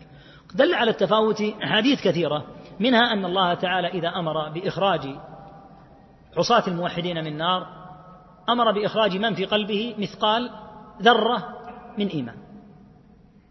في قلبه مثقال ذرة. كم في قلب رسول الله صلى الله عليه وسلم من ما هو أعظم من الجبال الراسيات؟ هل يقال إن هذا الذي دخل النار وليس في قلبه إلا مثقال ذرة من إيمان؟ إيمانه كإيمان رسول الله معاذ الله. معاذ الله ثم معاذ الله. لا يقال هذا. بل لا يقال إن الأمة بأسرها تأتي كإيمان رسول الله. فلا شك في التفاوت في أصل الإيمان وأن أهله ليسوا سواء في أصله. ولهذا تعقب الطحاوي رحمه الله وعفى عنه في هذا الموطن أيضا. قوله والمؤمنون كلهم أولياء الرحمن. الله تعالى يقول ألا إن أولياء الله لا خوف عليهم ولا هم يحزنون. من هم؟ بينتهم الآية بعدها. الذين آمنوا وكانوا يتقون. لهذا قال أهل العلم من كان مؤمنا تقيا كان لله وليا. فأولياء الله ليس لهم شكل معين. عمائم يلبسونها كما قال أهل العلم أكمام يطيلونها أنواع من الملابس يلبسونها وزي يتزين, يتزين به. الولاية عامة لكن الناس أيضا يتفاوتون في ولاية الله. فالمؤمنون من حيث العموم هم أولياء الله. فمن كان مؤمنا تقيا كان لله وليا. ولما علمنا أن الإيمان يتفاوت صارت الولاية بالفتح تتفاوت أيضا. فالصحابة رضي الله عنهم أعظم أولياء الله. وبعد الصحابة يأتي التابعون وهكذا وكل من كان أكثر كما سيأتي بقية كلامه كل من كان أكثر طاعة لله وأكثر ملازمة لكتابه ولأمره تعالى كان له من الإيمان بحسبه. فالمؤمنون من حيث العموم أولياء الله تعالى لكنهم يتفاوتون في الولاية كتفاوت كما أنهم يتفاوتون في الإيمان. نعم. صلى الله عليك وأكرمهم عند الله أطوعهم وأتبعهم للقرآن. الكرم عند الله تعالى والمقام الشريف عند الله تعالى بالتقوى. كما قال تعالى إن أكرمكم عند الله أتقاكم. وكما قال صلى الله عليه وسلم لا فضل لعربي على عجمي ولا لعجمي على عربي ولا لأسود على أبيض ولا لأبيض على أسود إلا بالتقوى. الناس من آدم وآدم من تراب. فالتفاوت لا يكون في القبائل ولا يكون في البلدان ولا يكون باللسان ولا بالألوان كل هذه ظل زائل. إنما التفاوت بالذي يبقى عند الله تعالى وهو التقوى. ولهذا قال تعالى إن أكرمكم عند الله أتقاكم. فأعظم الناس مقاما عند الله من كان أكثر في تقواه ومن قلت تقواه قل نصيبه من الإكرام بحسبه. وإذا كان منزوع التقوى فلا كرامة له ولا يساوي شيئا. فدل هذا على أن التفاخر بالبلدان أو بالقبائل أو باللسان أو بالألوان أو بنحو ذلك أنه من أفعال الجاهلية وأنه لا يجوز وأنه خصلة من خصال أهل الجاهلية وإنما الكرامة عند الله تعالى بتقواه نعم. الله عنك قال والإيمان هو الإيمان بالله وملائكته وكتبه ورسله واليوم الآخر والقدر خيره وشره وحلوه ومره من الله تعالى. كل هذا لا نشرحه لأنه تقدم وهذا نص حديث جبريل فلا نشرحه. ما يطال فيه. نعم. أحسن الله إليك. ونحن مؤمنون بذلك كله لا نفرق بين أحد من رسله ونصدقهم كلهم على ما جاءوا به. أيضا ذكر أن مقرون بهذا مصدقون به جميعا وأن لا نفرق بين الرسل. التفريق بين الرسل يعني لا نؤمن ببعض ونكفر ببعض. أما من حيث كون بعضهم أفضل من بعض فهو نص القرآن. تلك الرسل فضلنا بعضهم على بعض. فالمقصود لا نفرق بينهم بأن نؤمن ببعض ونكفر ببعض. لأن من كفر بنبي واحد فإنه كافر بالجميع. قال تعالى كذبت قوم نوح المرسلين. مع أنه لم يرسل لهم إلا نوح. لأنهم بتكذيبهم نوحا عليه الصلاة والسلام قد كذبوا جميع الرسل. لأن نوحا أتى من عند الله بوحي فمن كذبه فإنه يكذب إخوانه المرسلين جميعا. فلا يفرق بينهم من جهة الإيمان ببعض والكفر ببعض كما فعلت اليهود بالكفر بعيسى وبمحمد وسليمان عليهم الصلاة والسلام والإيمان بمثل موسى ويعقوب. ولا فعل النصارى حين آمنوا بعيسى وكفروا بمحمد صلى الله عليه وسلم. فمن كفر بواحد من المرسلين فإنه كافر بالجميع. قال ونصدقهم كلهم على ما جاءوا به. نعم. صلى الله عليه قال وأهل الكبائر من أمة محمد صلى الله عليه وسلم في النار لا يخلدون إذا ماتوا وهم موحدون. وإن لم يكونوا تائبين بعد أن لقوا الله عارفين مؤمنين. بعد أن لقوا الله. بعد أن لقوا الله عارفين مؤمنين. وهم في مشيئته وحكمه إن شاء غفر لهم وعفى عنهم بفضله كما ذكر عز وجل في كتابه ويغفر ما دون ذلك لمن يشاء وإن شاء عذبهم في النار بعدله ثم يخرجهم منها برحمته وشفاعة الشافعين من أهل طاعته ثم يبعثهم إلى جنته. وذلك بأن الله تعالى تولى أهل معرفته ولم يجعلهم في الدارين كأهل نكرته الذين خابوا من هدايته ولم ينالوا من ولايته. اللهم الدعاء. اللهم يا ولي الإسلام. اللهم إنا نسألك أن تتولانا كذا؟ كيف؟ ما عندك اللهم يا, يا ولي الإسلام وأهله. كيف؟ اللهم يا ولي الإسلام وأهله مسكنا بالإسلام. نعم ماذا يمكن في النسخة اللي عندنا؟ موجود يا شيخ. موجود؟ اللهم يا ولي الإسلام وأهله ثبتنا على الإسلام حتى نلقاك به. واللفظ مسكنا مسكنا بالإسلام حتى نلقاك به. تكلم هنا رحمه الله عن أهل الكبائر وقد تقدم الكلام بما لا نحتاج معه إلى إعادة في الكلام على أهل الكبائر وأنهم لا يخلدون في النار. لكن ننبه إلى شيء مما نبه عليه الشارح رحمه الله تعالى. قوله وأهل الكبائر من أمة محمد صلى الله عليه وسلم في النار لا يخلدون هذا الكلام فيه نظر. لأنه كأنه يقول إن الذين لا يخلدون في النار هم أهل الكبائر من هذه الأمة. والحديث دل على العموم. كل من آمن حتى أهل الكبائر ممن كانوا أتباعا للأنبياء قبلنا. فالأنبياء قبلنا لهم أتباع. يوجد في بعض أتباعهم ممن آمنوا بهم من قد فعل الكبائر. فحكمه حكم أهل الكبائر في هذه الأمة. فقوله أهل الكبائر من أمة محمد كأنه يخص خروجهم من النار وعدم خلودهم فيها بأهل الكبائر من هذه الأمة. لهذا في بعض النسخ أنها لا توجد من أمة محمد وهو الصواب. وأهل الكبائر في النار لا يخلدون يعني جميع أهل الإيمان ممن آمنوا بالرسل في السابق قبل بعثة محمد. بعد بعثة محمد صلى الله عليه وسلم من لم يؤمن به من اليهود والنصارى فهو كافر لا يقال من أهل الكبائر يكون كافرا. لأن رسلهم أخذت عليهم العهد والميثاق أن يؤمنوا بمحمد صلى الله عليه وسلم. فإذا لم يؤمنوا به لا يقال هم أصحاب كبائر يقال هم أهل كفر. إنما المقصود من كانوا زمن عيسى وزمن موسى ممن آمنوا بهم وكانوا متلبسين بكبائر. فحكمهم حكم أهل الكبائر من هذه الأمة. فالصواب أن يقال وأهل الكبائر عموما في النار لا يخلدون ما داموا من أهل الإيمان. دل عليه عموم حديث النبي صلى الله عليه وسلم يخرج من النار من كان في قلبه مثقال ذرة من إيمان يعني من هذه الأمة أو من غيرها. قال إذا ماتوا وهم موحدون. قطعا المقصود أهل الكبائر من عصاة المسلمين وإن لم يكونوا تائبين لأنه إذا تاب لا يقال من الكبائر يعني لو أن إنسانا تاب من شرب الخمر وأحسن عمله لا يقال إن الله إنه لقي الله صاحب كبيرة لأنه شرب الخمر من أربعين سنة لا ما يقال هذا. التوبة تجب ما قبلها جبا تاما. إنما المقصود إذا مات موحدا وهو يفعل كبيرة هذا المقصود. هؤلاء هم الذين لا يخلدون في النار. قوله بعد أن لقوا الله عارفين. يقول الشارح رحمه الله وتعقب الماتن هنا يقول لو قال مؤمنين لكان أولى وهذا صحيح لأن الأولى أن يقال بعد أن لقوا الله يعني أهل الكبائر مؤمنين. لماذا؟ لأن المعرفة تقع من المؤمن ومن الكافر. قال الله تعالى في كفرة أهل الكتاب في شأن نبينا صلى الله عليه وسلم يعرفونه كما يعرفون أبناءهم فمجرد المعرفة ما يكفي حتى يكون معها الإيمان. ثم بين أن السبب فيها واستدل بالآية العظيمة إن الله لا يغفر أن يشرك به ويغفر ما دون ذلك لمن يشاء. دون ذلك دون الشرك. كل ما يقع من الكبائر فهو دون الشرك. من قتل أو شرب خمر أو زنا لا شك أنه دون الشرك. لأن عصيان الله يكون بنوع لا يغفر أبدا وهو الشرك. هذا قد قنط من رحمة الله عياذا بالله. إنه من يشرك بالله فقد حرم الله عليه الجنة. هذا انتهى أمره. يبقى أهل الكبائر وهم أهل الذنوب. لا شك أن الشرك أعظم الذنوب والكبائر دون والله تعالى يقول ويغفر ما دون ذلك. أي ما دون الشرك. فدل على أن جميع أهل الكبائر تحت مشيئة الله. يغفر ما دون ذلك لمن يشاء سبحانه وتعالى. ثم بينت النصوص أن من لا يغفر له من أهل الكبائر يدخلون النار ثم يمكثون فيها ما شاء الله ثم إنه تعالى يأذن بالشفاعة فيخرجون من النار. ثم بين السبب الذي جهلته الخوارج والمعتزلة وأضرابهم من السفهاء. السبب في تخصيص أهل الكبائر بأنهم لا يخلدون في النار أن أهل الكبائر من أهل معرفة الله والمؤمنين به تعالى.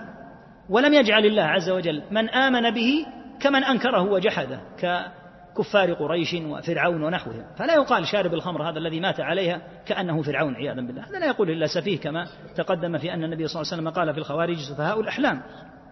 ولم يكون من الخائبين من هدايته خيبة تامة عياذا بالله كما هو حال أهل الكفر. ثم دعا بهذا الدعاء العظيم ووارد في بعض النصوص. اللهم يا ولي الإسلام وأهله مسكنا بالإسلام حتى نلقاك به.